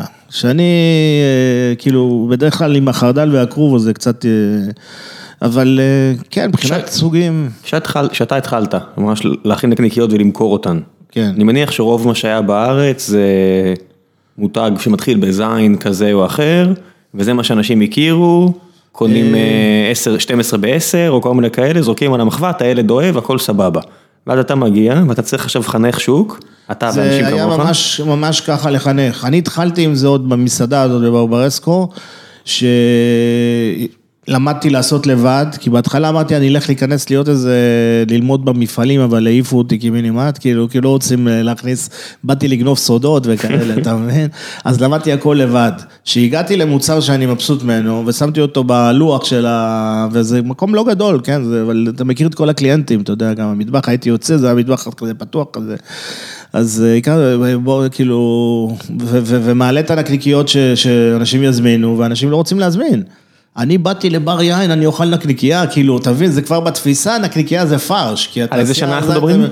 אה, שנת אה, 98, 9, 99. אוי, זה לפני הרבה, המון כן. שנים. 20 שנה אחורה מישהו בא לשתות ואז יין. הייתי צריך לעשות הסברה על הנקניקיות. חבר'ה, יש נקניקיות ששמים בהן בשר. פעם היו שותים רק גולדסטאר או מכבי, אתה מבין? זה לא היה... הוצאתי את כל הציפורניים, מבטיח לכם, אין פה ציפורניים. ואז זה נהיה, שנתתי טעימות וזה, התחילו להזמין, התחלתי לקבל ביטחון, הוצאתי כל מיני נקניקיות עם כל מיני דאווינים אחרים, פטריות, עם זה, להיט, ואז החלטתי שאני יוצא מהמסעדות, כאילו, החלטתי שאני מוכר, נק- החלטתי, כאילו, החלטתי שאני עושה נקניקיות בארץ ישראל. משהו כזה, מלמד את ה... איך לקח ההחלט- נושא שהוא הכי קשה בעולם. חכה, חכה, אתה רץ. החלטה כזאת זה החלטה של אה, הרבה כאונס. מה דוחף אותך לשם? אה, קודם כל, אה, אה, אה, אה, האהבה שלי לנקניקיות קודם כל, כאילו, כי ממש התאהבתי בזה, זה אחד, זה, פשוט, כש, כש, כשהגעתי למסקנה שאני רוצה לעשות נקניקיות, זה ראיתי אור, מה שנקרא, וממש ככה זה קרה לי, אה, לא... לא שלא אכלתי נקניקיות בחיים שלי, אבל זה קרה לי שאכלתי ליד המסעדה שלנו, היה מסעדה רומנית, והוא היה עושה פעם בפטרוצ'יאן, ופעם אחת עשיתי, והבנתי שהוא אין לי עושה... מושג מה זה. פטרוצ'יאן זה נקניקייה רומנית. וואלה. יש מה מיוחד בה? תבין, מה הוא- מיוחד בה זה- כל הקטע שלו זה שהוא יושב על מונית ואוכל אוכל רחוב, ואני שגדלתי עם משפחה שהיא רומנית מולדובנית, אין לי מושג על מה אתה מדבר, אז תספר. וואו, כאילו, אני אשכרה לא שמעתי על זה אף פעם. יש מצב שאימא שלי עכשיו מאזינה אתה ומתהפכת. אתה מבין שברגע שאמרת את המילה, היא נכנסה פה, התקעקעה לי בתוך המוח, היא לא תצא עד שאני לא אטעם את אה. זה, ואז שאני אטעם אני... עכשיו תתאר, אני... אני- הרבה שום. עננה של שום. תבין, אשתי, שאימא שלי מביאה אוכל, אז היא- אשתי שואלת בשקט, ו- והיא אוהבת את זה, אבל היא אומרת, אמא שלך הביאה את השומיות? זה כן. זה הקטע. כן, כן. זה טעים, אבל אחרי זה כן. צריך לשים סרט, אתה יודע, סרט לבן מסביבך. אוקיי, עדיין מדובר במטבח אה, רומני אה, משובח, ואני מאמין שהנקניקייה הזאת, לא, מעבר אתה- לשום, אתה היא... מצוינת, כאילו, ו- והבנתי שגם, אה, כי במוח אצלי, השרקוטיה, שגרתי בצרפת, השר- זה לא היה אומנות של טבח להכין נקניקיות, אז לא חשבתי על זה אף פעם. מה הכוונה? הכוונה היא ש... לא תופסים מזה? לא, לא, לא עניין שלא תופסים, במוח של הטבח, כאילו, אתה לא, זה, זה מוח של, שרקוט, של שרקוטיה, זה כאילו סחורה שהוא קונה, זה כמו מ- מהפורמז'רי, זה- מה- זה- מהגוון. זה הוא עושה, לא, כמו שאומרים, זה הוא. בדיוק, יש את החנויות בצרפת של שרקיוטרי, שהם עושים את השרקיוטרי שלהם, זה אומר את כל הפטים, כל הזה, כל הנקניקיות. כן. טבחים לא חושבים כמעט על לעשות את זה, אתה לא חושב אני אעשה נקניקייה, זה לא היה לי במוח כאילו, ואז שאכלתי את הנקניקייה הספציפית הזאת, שעשה אותה וילי, שהוא היה הבעלים והטבח של המקום הזה, אז נפתח לי הזה, אמרתי, זה מה שאני רוצה לעשות, כי זה אחד הדברים שאני הכי אוהב בעולם, אתה יודע. היית שתוי? איך? שתית באותו יום? אני כל הזמן שותה. אני יודע שאתה כל הזמן שותה. אני רק אומר, זה מסוג ההחלטות שאתה עושה כשאתה שותה הרבה בירה. כן, אסור בירה. להתייבש, אה. בקיצור, אז, אז נפתח הזה, ואז, ואז התחלתי ללמוד את הנושא הזה, וכשלמדתי אותו, עם השנים גם, הייתי כבר 14 שנה במסעדות, החלטתי שהחיים האלה, העבדות הזאת היא כבר לא, לא בשבילי, כאילו, היה לי קשה כבר עם החיים האלה. זאת אומרת, הייתי, הייתי טוב בזה שנים, אבל הגיע כזה שלב שזהו, התעייפתי מזה. התעייפתי כי זה עבודה מאוד מאוד קשה. כאילו, גם צריך להבין שעוד פעם, אני הייתי שונה, כי הייתי עובד בדרך כלל במטבחים קטנים, אה, ולא עם, אה, אתה יודע, לנהל, אה, לא, לא שפים של מסעדות גדולות שיש להם צי של אנשים. אז אתה לא יכול לא להיות שם, אתה חייב להיות שם, אין מצב, וזה... זה אני כאילו, ולא לא יכלתי אפילו לקחת חופש, אתה יודע, אז הייתי עובד שנה, אני- אתה יודע, עד ששנה, שנה וחצי, טאק, מפסיק, ואז עובר למקום אחר, או, או חוזר חזרה, או לא יודע מה. שחיקה גבוהה. אה, כן, שחיקה מאוד גבוהה. ומה הצעד הראשון? בעצם, מה זה? מה הצעד הראשון בחיים החדשים? אה, קודם כל אה, יצאתי מהמסעדה, קניתי, קודם כל חופש קצת, אה, קניתי מכונה, מכונת טחינה, מטחנת בשר כאילו, היה לי פריזר של גלידות וטוסטוס, וזה הכל התחיל משם, בבית כאילו, התחלתי לעשות, עשיתי שש סוגים, מכרתי לחברים שפים, ש... חברים שלי ו... או בעלי מסעדות שהכרתי. שכבר אז היה המותג שלך, זאת אומרת השם שלך, כן, הנקניקיות אנשים שלך? הכירו כבר, היו באים לאכול את זה עוד בברברסקו, ואתה יודע, מדברים וזה, ואז התחלתי לתת טעימות, לרוץ עם האופנוע, לתת טעימות פה, שם. ו- והם הציגו את המסעדות שלהם בתור מה? נקניקיות של אלן. נקניקיות של אלן. כן, נקניקיות של אלן, כן. לא, לא, משהו, וזה. לא משהו שהם הכינו, לא לקחו לך את הקרדיט. לא, היו כאלה, נגיד שהיו שפים אחר כך, יותר מאוחר, שאתה יודע, רצו שנגיד נוסחה שלהם, אז הייתי מפתח להם נוסחה שלהם. אה, ואז אה, כאילו, אתה יודע, היה להם ביטחון איתי כתור אחד שגם היה בצד השני, במסעדות, ויודע מה זה מוצר, כאילו, זה לא היום אני אעשה לו ככה ומחר ככה. אה, אז היו סומכים עליי בעניין הזה. מאיפה ו- מביאים כל כך הרבה מעיים? מעיים? אה, כעיקרון יש יבואן, יבואן שמייבא את זה. ל- יבואן? אתה לא קונה את זה, אה, בארץ לא, זה לא, בארץ זה אסור, בעייתי, אה, בעייתי, לשווק. נכון. היום למה? זה בעייתי. בארץ זה בעייתי, בארץ למה? זה בעייתי. מה בעייתי עם. מעיים? כי כשהוא, אני עכשיו כאילו, כשאתה התחלת לדבר על המעיים, ואני לא חושב שיש למישהו בעיה, אנחנו תוכנית, עכשיו יצאנו, יש לנו תוכנית בשרית לגמרי. הוא לפני שנייה אמר שהוא מכין פה משהו שנהיה כמו טבח על ה- על מקניקיות דם, אתה מדבר איתי כן, על זהו, בעיה. כלומר בשרי לגמרי. הטבעונים כבר זה- לא פה. בארץ אני יודע שיש אה, קצת אה, שוק העפרפר בנושא של... יש אנשים שמשיגים, תקשיב, ביישובי הדרום, איפה שעושים עדיין מרכז, יש להם דרכים איפה להשיג, אבל זה... וואלה, מה, צריך יש- יבואן לזה? תמיד היה, אבל בשנים האחרונות זה נהיה יותר קשה. מה, מה, תסבירו לי. כי משרד הבריאות לא מאשר להוציא נכון, חלקי נכון. פנים, כאילו מעיים מהמשחטות. נכון. ותמיד היה במשחטות האנשים כן. יש... יש- רגע, רגע, רגע, רגע, רגע. אבל היום זה קצת אה. בעייתי. אתם מדברים פה על משהו שרוב המוחלט של האנשים לא מכירים. לא, לא מכירים את זה, מה אני יודע הקטע? את זה. אני יודע את זה. אתה יודע את זה בסדר, תן לו תן לו להגיד. כאילו. לא, כאילו, אה, פשוט אה, זה, זה, זה דברים שלא היו מקובלים, אין פה תעשייה, קודם כל בתעשייה לא מתעסקים עם מים אה, אורגינל, חוץ מהלא כשרים. בתעשייה הכשרה בארץ ישראל לא כן. עובדים עם... אה, אז... מה זה אז- פלסטיק? אז מה זה כן? אה, איך? מה זה לא, פלסטיק אם זה לא מים? אה, לא, זה מים סינתטיות. סינתטיות. סינתטיות. שעשויות מקולגן, שזה... עושים את זה מעורות של בהמות, כאילו, את ה... את ה... זה לא אותו טעם, עזוב. לא, לא, ברור. זה לא אותו טעם. טעם. זה לא אותו דבר, אין ספק, גם לא לא אז- נראה אז אותו דבר. מה היבואן עושה? אתה- היבואן מוכר אה, ל- כאילו למקומות... אה, מגיע ארגז של מים? לא, זה בא בחביות כאלה. מגיע חבית של מים? כן, כן. זה, זה, זה מנוקה, ארוז לפי כתרים, אה, מומלח כאילו, וזה משומר, זה יכול להחזיק שנים, כאילו. אתה לא- מקבל כאילו, איך נראית אריזה של מעיים? לא, זה, נגיד, זה בא נגיד, אה, כל מעי זה 7-8 מטר, יש נכון. חבילה שנגיד איזה 12-13, שזה 90 מטר, או לא זוכר בדיוק. מדהים, מדהים. מחובר. ואז אתה פורם את פורם זה, את זה. ומתחיל לעבוד, נותן לזה לחזור לעצמו, כי המלח כובש אותו, ומתחיל לעבוד עם זה. שתבין שאימא שלי הייתה עושה את זה. כן. אימא שלי הייתה מלכה בבית, הייתה מ... זה משוגע אה, לגמרי. איך? וזה- וזה הבסיס של הנקניקייה. בטח. אה, כן, זה, אתה חייב את זה, זה... יש לך יבואנים ספציפיים שאתה עובד יש איתם? אחד שעובד עם זה, זה הכל. אה, בארץ. אין, אין, אין מסע, כאילו, אין אה, מספיק מסה פה בשביל אה, כמה יבואנים, נראה לי. אה, בגדול איך- היה... איפה ב- שמת את זה בבית? אתה אמרת, התחלת להכין בבית, נכון? אה, שם היה לי מקרר, אמרתי לך, היה לי פריזר, אה, שהייתי הייתי עושה 30 קילו. והיה לך מתחת לשולחן אוכל אה, ארגז מעיים? לא, מה- לא, אתה קונה את זה ב... אתה יודע, בכמויות שהייתי עושה, אז אתה קונה את זה בצמות כאלה, זה לא... זה לא... באצ'ים כאלה. כל באץ' כזה זה 60-70 קילו, אתה עושה... ומהרגע הראשון היה הצלחה? או שהיה קשיים בהתחלה? לא, מלא קשיים, בוודאי. יש קשיים, אה, ללמד. הרבה קשיים, אה, איך לעבוד עם הנקניקייה. אה, אני לא מדבר על קשיים מערכתיים, כאילו, כי. אתה יודע, אחרי שהתחלתי והייתי שם שלושה, ארבעה חודשים ככה, והבנתי, קודם כל הבנתי שזה בכלל בהחלט אסור, כאילו, אסור לי לעבוד בצורה כזאת, זה לא חוקי בכלל. כן, משרד הבר- משרד הבריאות כן, אמור... נכון, אבל אז לא, בכלל, אתה יודע, הייתי באטרף של... אה, רציתי רק למכ- כאילו, לה- כן. להפיץ את זה, כאילו, אתה יודע, אז לא חשבתי על זה. כן. ואיזה חבר עורך דין אמר לי, תגיד לי, מה, אתה נורמלי? זה זה אסור בשיא. ואז, ש- כי אני לא, שונא לעבוד לא בחוק, כאילו, לא חוקי וזה, אני ישר נלחצתי.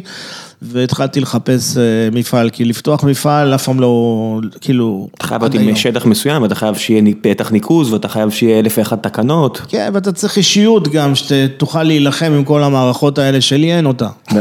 ואז- הבאת את ניסים? איך? לא, לא, ניסים אה, זה העובד שלי שעבד איתי כמעט מההתחלה, אחרי שנתיים. אז אם אתה אומר שלך אין את האישיות הזאת, אבל עדיין יש מפעל, אז מה לא, קרה? אני מדבר על להיות בעל מפעל, כאילו. אז, אה, זאת אומרת, אתה עובד עם מישהו אחר בעצם. כן, אני בעצם, אה, העסק שלי הוא בתוך אה, מישהו שיש לו מפעל, אה, מפעל פירוק ו- ו- וייצור, אה, ו- ואני ב- כאילו חולש על הייצור. בזמנו, היה נותן לי אה, יום, יומיים בשבוע לעשות, עד שהכרנו והתחברנו, ואתה יודע, כי זה דבר נדיר, זה לא דבר שהוא, שזה קורה, קורה כאילו. מה, שפותחים מפעל כזה בעולם מבחינת... אה, לא, זה? שאתה, אתה יודע, מישהו מכניס אותך לבית של, מישהו מכניס אותך למפעל אצלו, אה, ונותן אוקיי. לך לעבוד, אתה יודע, זה לא... אם עושים דברים כאלה, נגיד היום קמו, קמים אה, הרבה מאוד אנשים שמייצרים נקניקיות, אבל הם בעצם עושים את זה במפעל, אבל המפעל עושה לא, כאילו. כן, מכין לא, אנחנו, מה שמייחד אותנו בעצם מכולם, שאני פיזית בפנים מכין את הנקניקיות, ולא מפעל מכין לי. איך שכנעת אותו? איך? אה, לא איך- שכנעתי אותו, הגעתי בהתחלה והוא איש אה, כאילו אה, שמע אותי ולא יודע, כנראה שהוא, הקסמתי אותו בהתחלה או משהו כזה. הבאת לו נקניקייה לאכול? איך? זה- לא, דף, בהתחלה הוא דווקא ממש לא... בהתחלה, תראה, בהתחלה הרבה צחקו עליי ו- ו- ולא רצו לטעום, ומה אתה משוגע, ואתה יודע, כל אוי, זאת מיני... דרכה- זאת דרכם של כולם. זה היה לי מאוד. מאוד קשה. לא, לא, ברור. זה זיכרון כל כך מתוק. בחוכמת הבדיעבד אחר כך, בכל כל בן אדם שמצליח בתחום שלו, תמיד בהתחלה היו אנשים שצחקו עליו, אבל זה, אחרי זה זה הופך להיות משהו שאתה מגחך עליו כן, חופשי נכון. לבד, אתה מחייך. לא, בהחלט. אז אה, לא, היה לי מאוד מאוד, עברתי ממש בשנים הראשונות, אבל לא ויתרתי. אני מדבר איתך, נגיד, בשביל להיכנס למפעל לעשות ביום ייצור שנקבע לי, הייתי צריך לחכות שהאחרים יגמרו שם, ולפעמים היו עושים לי בכוונה, ועד שהם יוצאים, ואני התחייבתי להגיע לאיזה מקום אחר, והייתי לבד, אתה מבין? לבד. ומבחינת כמויות, זאת אומרת, איך? אתה עובד עכשיו עם שפים, והם שמים את הנקניקיות האלה במסעדות, עכשיו אתה צריך לעמוד בכמויות רציניות, אני מניח, כי זה מוכר. כן, כן, יש לי, תחשוב, יש לי 18 סוגים, אז יש לי גם בק, כאילו, כל הזמן שיהיה לי בק, אם מישהו מזמין, מהיום למחר הוא צריך לקבל. כמה זמן אתה יכול לאחסן את זה? אה, פג תוקף של המוצרים, שרוב המוצרים שאני, במפעל הזה, ספציפי הזה, זה חודשיים, בהקפאה, במינוס 18. כשמבחינתך חודשיים, גם אחרי חודש זה עדיין אותו איכות? ברור. כן, אתה יודע... אה, לא, אני מניח שיש כן. מסעד- מסעדות שהן, אתה יודע, הן גובות כל כך הרבה כסף על האוכל, הן רוצות שזה יהיה הכי טרי, הכי... לא, עוד פעם, אני, קודם כל אסור לשווק בארץ טרי, אז הייתי מחויב אה, לעבוד כפול. אוקיי, הנה עוד משהו. אחרי כן, המאה יש אם פה אנחנו לומדים פה עוד... בסדר, גם את הטונה בארץ אנחנו מקבלים קפוא, ואת הסלמון אנחנו לא, מקבלים אבל קפוא. למה אסור? כולם מדברים? על טרי, אתה מבין? אבל הכל מגיע פה לארץ קפוא. לא, אבל למה אסור? במינוס רוצה- 18 והלאה. אה, למה? כי משרד הבריאות לא סומך, פה בארץ לא סומכים כל כך על ה... על בעלי, על, על, על, על בעלי עסקים מהסוג הזה, כי לא מאמינים שהם, כאילו, אתה יודע, נגיד באירופה זה, זה מקובל, כאילו, מקובל באירופה שהקצב עושה את הנקניק, הנקניקיות שלו במקום שלו, פה בארץ זה אסור. פה אסור בכלל, אסור לקצבים למכור המבורגרים שהוא עושה ושם את זה טרי בוויטרינה שלו, אסור לו. פה בארץ אתה חייב לטחון לבן אדם בשר on the spot, שהוא רואה אותך, אה, שהבן אדם רואה... אבל מה זה עוזר לי שזה קפוא? מה זה נותן למשרד זה הבריאות? נותן אה, ביטחון, קודם כל ב production זה עובר למינוס 40 מעלות, שזה shock freezer, שהורג כן. כאילו את כל החיידקים, ואז זה עובר למינוס 18. אז קודם כל זה קפוא, אין חיידקים, אין. אה, זה, ואז אתה יכול לשנע את זה, וכאילו, יש פחות סיכויים ש... אני לא הבנתי אף פעם, נגיד אתה מגיע לאיזה מדריד כזה או וינה ואתה מגיע למקום ויש כל כך הרבה בשר וזה פשוט בחוץ. איך זה לא תופס? לא, כי זה, עוד פעם, זה בשרים משומרים, זה בשרים בעצם אה, אה, מוצרים יבשים, מה שנקרא, אה, כמו, כמו הרגלה, כמו חמון, פרושוטו, כן. כל הסלמי, כל הדברים האלה, זה מוצרים בעצם אה, שהאחוז, כמו שבהכנה שלהם בעצם, האחוז מלח שם הוא גבוה, שהמלח בעצם מה שהוא עושה, הוא, הוא עושה את הכבישה של הבשר וגם אה, אה, מונע את התנאים האופטימליים להתפתחות של חיידקים לא טובים בבשר. ואז שהוא מגיע, זה מוצרים שנוצרו לפני עידן המקררים בעצם, אבל שוב, גם צריך, זה לא כמו פה בארץ לשים את זה ב-40 מעלות, כן, שם זה מעלות לא קצת יודע. יותר סימפטיות. עכשיו גם 45 מעלות שם, כן. השתגעו. לא, אז אוקיי, כי נגיד יש, יש נקניקים מסוימים גם בתאילנד, נגיד יש נקניקייה שנקראת אה, סאי קרוקוסן, אני לא יודע אם אני מבטא, כנראה שלא. אומר אותה טוב, אבל כשמכינים את הנקניקייה הזאת, אה, העולם המערבי לא יכול להבין את מה שהוא רואה, כי זה ב-40 מעלות פלוס, ל-40 מעלות, לחות של 90 אחוז, וזה בחוץ כאילו. אבל מסתבר שבטמפרטורות האלה, החיידקים הטובים מתחילים ל, אה, כאילו אה, להיווצר שם, וההתססה, מה שנקרא פרמנטיישן, נוצר שם בתוך הנקניקייה, וזה מה שיוצר את הטעם החמצמץ הזה של הנקניקייה, וזה בסדר גמור. או כמו שהיו עושים האימהות, אה, הסבתות שהיו עושות את המרגש של פעם. כן. אז הן היו תולות את, ה, את הנקניקיות בחוץ, נכון? כן. עכשיו, בקטע הזה תמיד שמים אחוז מלח יותר גבוה. נכון. יותר גבוה, נכון, ואז נכון. בעצם מה שקורה, הנקניקייה מתחילה להתייבש, כאילו, ו... וככה היא גם, אה, נהיית גם יותר טעימה, יותר מתרכזת בטעם, היא... יש שלב שכשאתה מתחיל, אתה מתחיל למכור נגיד, לא יודע מה, לחמישה, שישה חברים, מסעדנים, זה הולך וגדל, כבר לא, ש... לא שישה, עשרה, כן, לא עשרה, ככה, עשרים. בדיוק. בשלב מסוים אתה אומר, או למה הכנסתי את עצמי? אה, לא, בוא נגיד, אה, בשנים הראשונות זה היה לי על הכיפאק, בייחוד אה, שהיינו עובדים אה, רק אני וניסים, זאת אומרת, אני ועובדים שתיים, זה היה פשוט, היינו באים, מתקתקים את הסחורה, שנינו עובדים פיזית, אה, עושים את הנקניקיות. כמה שעות? משהו כמו ארבע, חמש שעות. ארבע, חמש שעות אתה יושב, מכין נקניקיות, מתקתק. יש מוזיקה ברקע, איך אתה... כן, כן, רדיו, פול ווליום, מפעל זה, זה לא, לא נעים לעבוד במפעל. בדרך כלל ארבע, מפעלים- ארבע, חמש שעות האלה עפות מהר מאוד, אתה כן, נהנה, אתה נהנה. מה זה נהנה? עפים, לא רק זה, לא, ממש נהנה. כן, אבל זה לא, זה לא שהוא מכין איזה גלידה, הוא לא, הוא לא טועם בדרך, הוא מכין לא, לא, נקניקיות, זה נשמע... המקום הארדקור, כאילו, אתה, קודם כל לשבת ולראות רק קירות, כאילו, ובשר, ומטחנות, זה לא דבר, אתה יודע, זה לא כמו שאתה עובד במסעדה, רגע, להסתכל על המלצר, אתה יודע. המטחנה הראשונה שלך עוד קיימת או ש... בטח, היא בלש- היא בסדנאות, איפה שאני עושה סדנאות, אני רגע, מלמד השאלה איתה. היא, של, של איזה חברה זה? הבאת במיוחד מחו"ל או לא, לא, קניתי?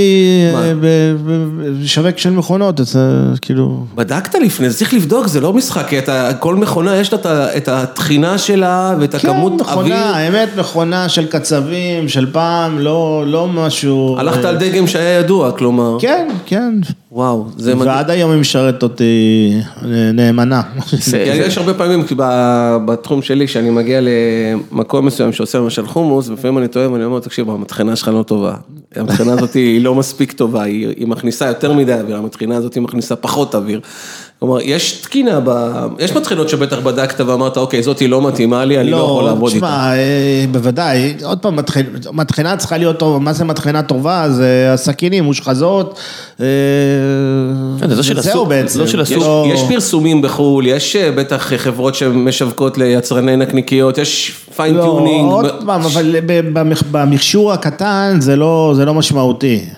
ב- ב- כשאתה הולך למכשור יותר גדול, אז כבר זה כן משמעותי. יש לך מפרידי גידים, יש לך אה, הספק של מכונה, אוקיי. יש לך חור שאתה, אתה יודע, אם יש לך חור כזה, אתה צריך אה, לחתוך את הבשר יותר קטן. אבל יש בטעון למשל שיוצא תלת חודשי כזה ש...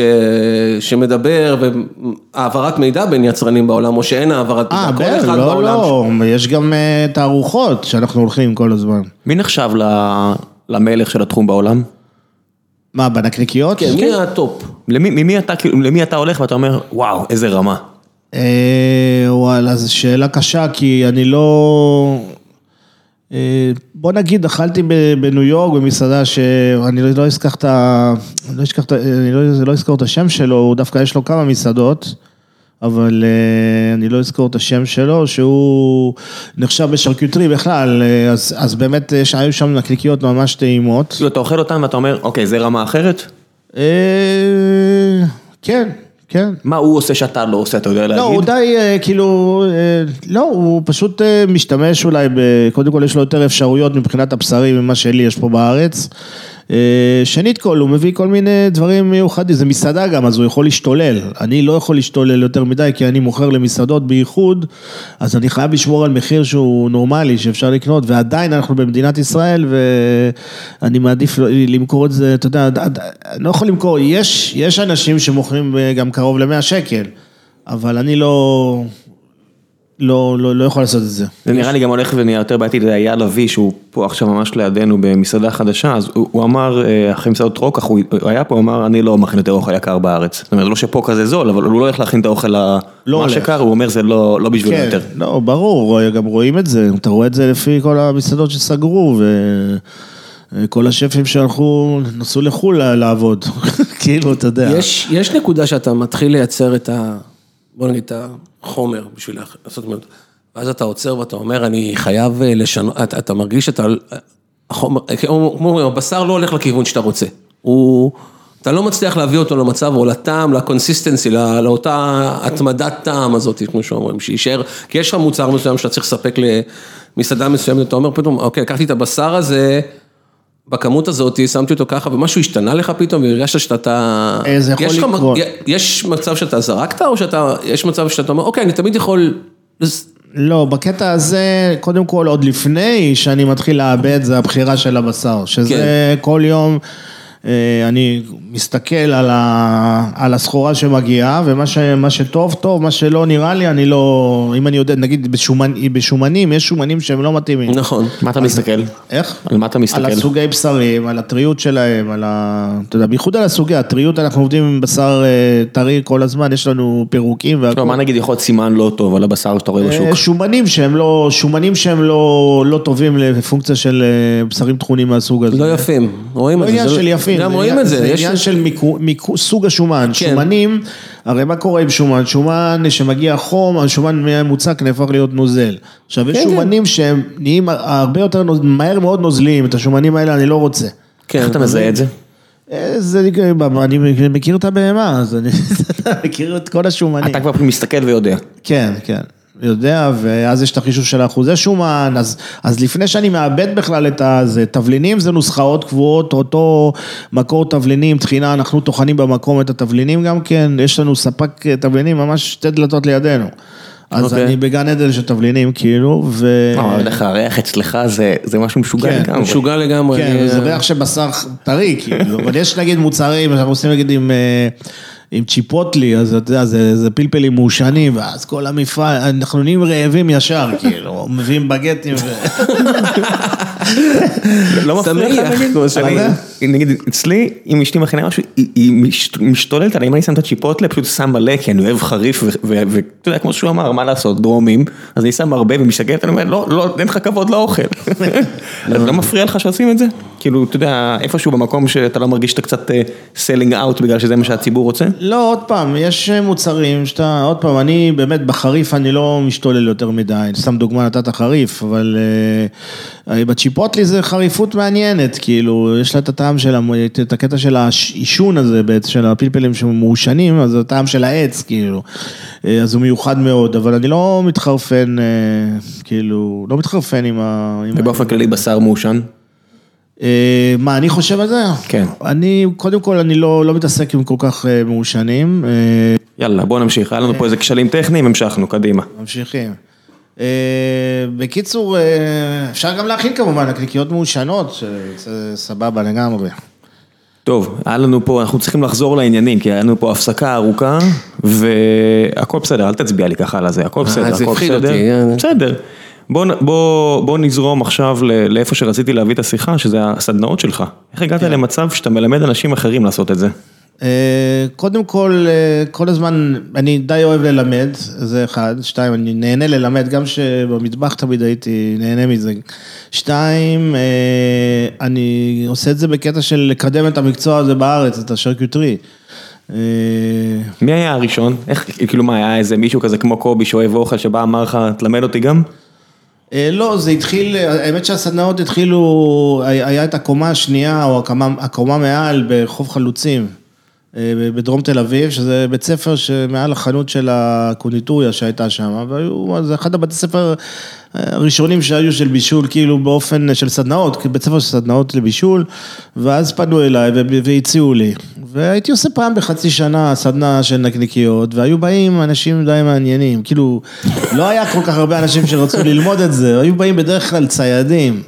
ציידים של חיות בר, או כל מיני כאלה, עכשיו, בכל העולם- מהדרום, זה מהצפון. מאתגרים, הם מאתגרים גם. אנשים שהיה להם הם היו יותר, צורך הם. יותר הבינו בבשר, הם אה, הפגינו איזשהו ידע ראשוני. כן, היו כל מיני, זה היה ממש פריקים, אה, יותר אנשים מבוגרים גם כאלה, שאתה יודע, אנשים שגדלו על נקניקיות בחו"ל, אתה יודע, או משהו כזה, והיה להם זיכרון ש... שהם היו אוכלים נקניקיות טובות, כי, כי בוא נגיד, תקופה ארוכה פה לא היה פה נקניקיות, ואלה שבאו, אתה יודע, נכון. לא, לא, היה להם מה, ואז הם נורא התגעגעו לטעם הזה. ולאט לאט, אה, עם השנים, כאילו, החלטתי אה, לעשות לי מקום כזה של סדנאות, והתחלתי גם אה, לשדרג, כאילו, את הסדנאות, סדנאות, יש לי כל מיני, למתקדמים יותר, יש לי סדנה לנקניקים יבשים. שזה ה, זה, זה בעצם הנושא גם שקשה מאוד ללמוד אותו פה בארץ, אף אחד לא מלמד את זה, ובדרך כלל אנשים גם לא מלמדים את זה, שומרים את זה כאילו לעצמם, כאילו, כי יש בזה טכניקות מאוד מסובכות, צריך להבין בזה. אה, זה להכין ביף ג'רקי כזה, כאילו? ביף ג'רקי זה הכי פשוט שיכול להיות, אבל כמו להכין סלמי, כמו להכין אה, קופה, ברזאולה. כל התכונים, סוג'וק, אה. כל הסוגים האלה. עכשיו, זה דברים שקודם כל תהליכים ארוכים, שיכולים לקחת אה, מינימום חודשיים. אה, צריך אה, מערכת קירור מסוימת עם לחות, אה, ואני למדתי את הכל לבד מניסוי וטעייה, ובוא נגיד זרקתי הרבה לפח עד, ש...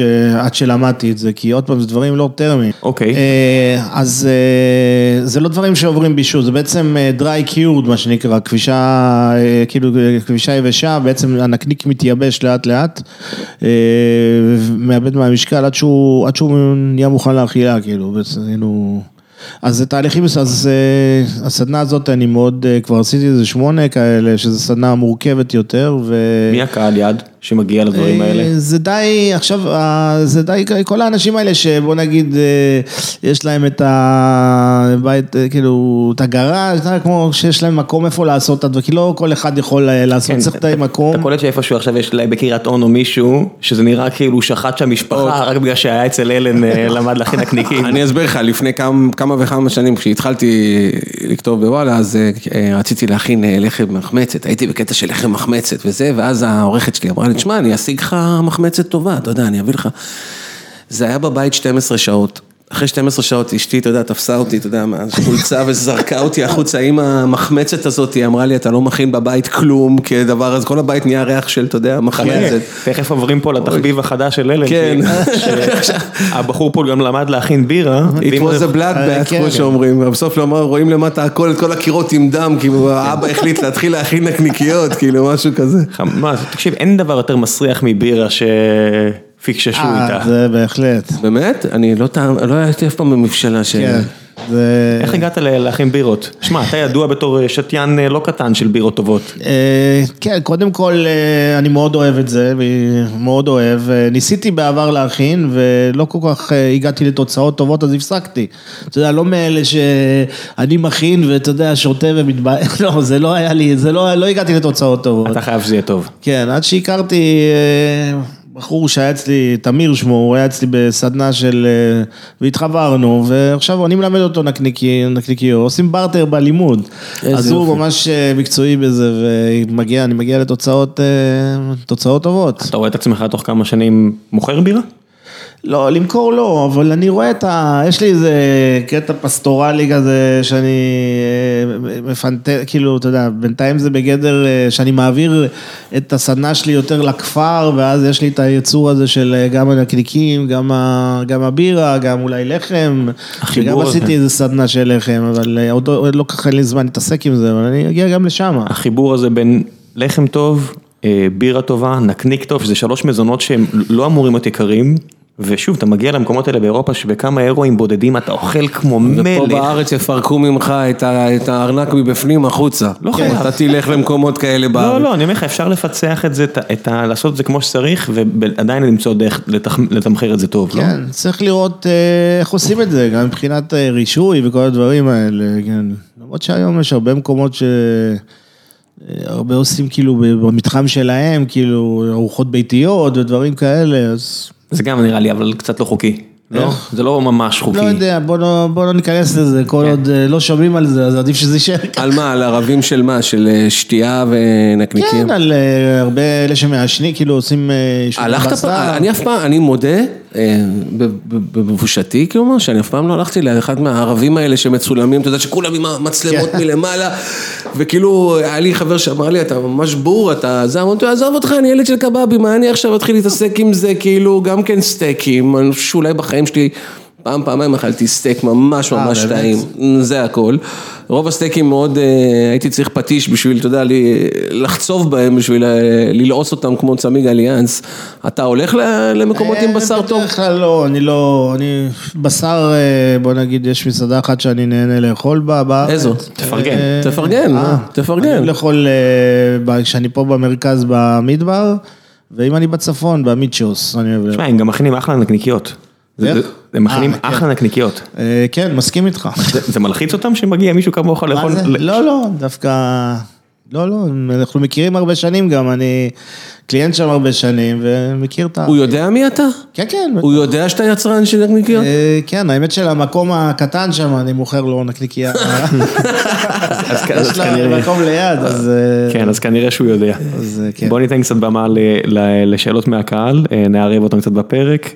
כל מי שרוצה, יש מה שנקרא פורום החיים עצמם של גיקונומי בפייסבוק, אני אומר בדרך כלל 24 שעות לפני מי מגיע, ואז הקהל יכול אה, קצת להכניס את עצמו לפרק. אז נתנאל רוזנצוויג שואל, זה שם של משפחה שבאה ממקומות של נקניקיות, שואל, אה, איך נוצר כזה מוניטין שלילי לנקניקיות? איך מה? איך נוצר כזה מוניטין שלילי לנקניקיות? אה, איך נוצר? תעשייה. תעשייה הרגה את הנקניקייה. פשוט לא שמים הרבה בשר, כאילו, אה, שמים הרבה תחליפים, שמים הרבה... מה התחליפים העיקריים ששמים בנקניקיות תעשיות? אה, קודם כל יש אה, מה שנקרא פסטה, שאין לזה שום קשר לאיטלקי, זה אה, בתעשייה מין אה, סוג של אה, אה, בשר שלוקחים אותו מכל השלדים. ש- הבנתי. של- זה הפסטה? זה חומר גלם כזה של שזה חלבון שם בעצם. הם בחרו בשביל זה. כן. אה, שנית, אה, הרבה, הרבה אורות של בעלי כנף, אה, סויות, אה, אה, בטח, אני לא, מת, לא, לא מתמחה בזה, אז אני לא יודע להגיד לך אפילו... אוקיי. הוא ממשיך ו- ושואל. ושנית, רוצים להגיע למחיר שהוא הכי זאת. יש גם, אני לא יודע, לפעמים אני חושב, יש גם קהל כזה שהוא, אין לו את היכולת לקנות ברור. בשר גם, ואנחנו לא, פשוט לא, אולי לא רואים את זה באזורנו פה, אבל יש הרבה מקומות שאין להם ברירה אלא לקנות דברים כאלה. אני אמרתי, אני רק רוצה להגיד, להגיד לך, עקרונית, אם אני הייתי מוצא אפשרות, כמו שדיברנו מקודם, אה, לתת לילדים שלי נקניקיות שעולות, אה, אתה יודע, בפרה-גחלים, לפני שהם, אתה יודע, מתחילים, לפני ש... אתה יודע, כשאתה הולך לעשות מנגל עם הילדים, אז קודם כל הילדים רעבים, אז יאללה, דחוף להם, אתה יודע, את הנקניקיות. אני בשמחה הייתי נותן משהו שעולה פי שתיים או פי שתיים וחצי, אפילו פי שלוש, בידיעה שאני נותן לילדים שלי משהו שהוא אפילו טיפ-טיפה יותר בריא מאשר הנקניקיות אבל המטורפות. זה הרבה יותר. כמה הרבה יותר? שאלה טובה. כמה? מה, כמה זה יעלה יותר? כמה יעלה יותר? אה, כפול אה, שתיים פלוס. בסדר. אם במקום לקנות חבילה ב-15 שקל. של 9, 10 או 11 נקניקיות כמו שהם עושים, שזה תמיד מספר אי זוגי כזה מוזר, אני יכול להביא להם 11 נקניקיות, פלוס מינוס אותה צורה, אתה יודע, לא לשנות לילדים יותר מדי, כי אז הם לא רוצים הרי. אם אני אוכל לתת להם משהו שעולה נגיד 40 או 50 שקל, אני כן אהיה מוכן ממרום גילי, כמו שאומרים, לתת להם משהו הרבה יותר טוב. אוקיי, אז יש, צריך לספור כל מיני, כל מיני אספקטים. קודם כל, יש את הקטע, מה, בקטע של החינוך, מה, מה הילד אכל עד עכשיו. אם הוא כן, יתרגל זה- כבר לאכול את ההנדסת מזון שם, של הסוכרים, מונוסודיום וכן הלאה. יש עניין של מת- יש עניין של שהיא- מתיקות בנקניקיות? קצת. בטח, כן, בנקניקיות התעשייתיות, תמיד. אוקיי. סוכר זה אחד הדברים ש... כאילו, זה סוג של... סוכר זה אחד הדברים שעושה טעים. הכל טעים, אוקיי. תשמע, אני, אני, אני אגיד לך, תמיד חשבתי, ואתה יודע מה, מתי נפל לי עכשיו האסימון? יש לנו, אנחנו מתים על אה, עלי גפן בבית, ויש מקום של, של דרוזים שמוכר אותם פה בתל אביב, והתרגלתי לאכול את זה, אתה יודע, זה כל כך טעים. ואז אה, מישהו פה בעבודה הביא עלי גפן, אתה יודע, כזה של יהודים פה איפשהו פה מהאזור, לא אומר שזה יהודים ערבים, אבל פתאום הטעם של הסוכר היה כל כך מגעיל ודומיננטי. בטח. זה לא עושה את זה יותר טעים, זה כאילו אתה מתמכר לזה ולא מבין כן. כמה זה פחות טעים. כן. נכון. זה פשוט סוג של התמכרות, זה עושה, זה, זה, עושה- זה פועל אה, על הבן אדם, עושה לו טעים. עוד פעם, מאוד, אה, מאוד אה, אה, מקובל פה באזור, כאילו בישראל, זה מאוד, אה, גם בארצות הברית. זה, אה, אני, אני רואה כאילו, קורה גם אה, אה, נוסחאות של אה, נקניקיות, אה, או מעורה גם בתעשייה, ואני רואה, הסוכר הוא, גם בארצות הברית וגם פה, הוא מרכיב חשוב אוקיי. אה, רוא- בדברים התעשייתיים. רק נסיים, ניתן לנתנאל לסיים את השאלה שלו, אז הוא שואל אה, מעבר למוניטין הרע, הוא אומר, מה היתרונות והחסרונות של סוגי מעיים שונים? פלסטיק טבעי, קלוגן, סינתטי, אכיל. אוקיי, אה, קודם כל, אה, כל מה שסינתטי לא אכיל, הוא בדרך כלל מקלפים אותו ולא אוכלים אותו, זאת אומרת זה הולך בדרך כלל לתעשיית הנקניקים המבושלים. בקולגן, יש את הקטע שקולגן זה, זה אכיל כמובן, אז אפשר לאכול. אה, היתרונות של זה, זה פשוט יותר אה, קל לעבוד עם זה מבחינת, כי זה מעי מכווץ בעצם, אז נורא קל לעבוד, לא צריך להשחיל. אה, יש די... הוא פחות טוב בקטע של, ה, של המראה שלו וההתנהגות שלו על הגריל.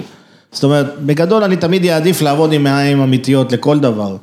אה, אבל בגלל שקשה מאוד להשיג היום מעיים אה, טבעיות, אז אה, תמיד נוטים לעבור, כי זה יותר זמין ויותר, וגם לא מתכלה, וכמובן נשאר בארון. אה, עדיין יש לזה גם פג תוקף, אבל בוא נגיד, אם קונים טיובה אחת, זה מזל. בגדול, אה, ההתנהגות על הגריל היא פחות טובה אה, של הקולגן, וגם המראה והנראות של המוצר, כאילו. אז רק שאלה, החלק האחרון בשאלה, הוא אומר, לאיזה חברות מסחריות יש את הנקניקיות שאתה כן ממליץ עליהן מהעולם? או, זו שאלה קשה. אוי. אם אתה, לא- אם אין אף אחד, אל- אל- אתה, אתה חייב... לא, אני לא, יהיה לי קשה לענות על השאלה הזאת. תשובה טובה. אור רובינשטיין שואל, אה, האם יש כללי אצבע לזיהוי נקניקייה איכותית? אה, זה- גם קשה להגיד. אה, אתה לא יכול להסתכל נגיד על הנקניקייה ולהגיד, לפני שאתה כל- טועה אם היא איכותית או לא? קודם כל, אפשר לראות, יש צבעים מסוימים שאפשר לראות שזה תמיד צבע אדום כזה זוהר, פלורסנטי. אם זה נקניקייה לא חזיר. איך? אם זה לא חזיר. כן, לא כאילו, אפשר לראות משהו שהוא לא אמיתי, כאילו, אם שמים לב. אה, שתיים, בוא נגיד, אה, מבחינת מעיים אפשר לזהות אם זה מעי טבעי או סינתטי, לרוב, אה, שזה בדרך כלל, אם זה כבר מישהו משתמש במעיים טבעי, זה כבר יכול להיות אפשרות לנקניקיות יותר איכותיות, כאילו. כמה הכי זול אתה יכול, אה, אם נגיד עכשיו אתה, מישהו פה שואל, אה, איתמר אה, אברמוביץ' שואל, האם לדעתך הקהל הישראלי הרחב מוכן לנקניקיות באיכות גבוהה, או שעדיין מחפשים את הזוגלובק? אז לפני שעוברים לשאלות הבאות שלו, אה, אם עכשיו נגיד מישהו רוצה לעשות אה, דוכן של נקניקיות אה, ברחוב כזה, אתה יודע, כזה מחוץ למגרש כדורגל או משהו כזה, כמה הכי נמוך אתה חושב שהוא יכול להגיע ועדיין לעשות עסק אמיתי שירוויח והוא יתפרנס ממנו בכבוד? מה, מה המחיר המינימום שאתה חושב נראה לך הגיוני? עוד פעם, תלוי אה, בסוג האיכות שאתה תעבור. לא, איכות אה, שלי היא איכות לא, איכות מספיק טובה, זאת אומרת לא נקניקיות ה-IM, אתה יודע, שאתה יודע, אתה הולך לפורט או לא יודע מה, לכל מיני אוקיי, כאלה, אני מדבר משהו מספיק אה, טוב. וואלה, אני מניח ש... 22. 22 זה המחיר יהיה, זאת אומרת אתה אחד מעל פלאפל, קצת מעל פלאפל. כן. קצת, קצת מעל פלאפל.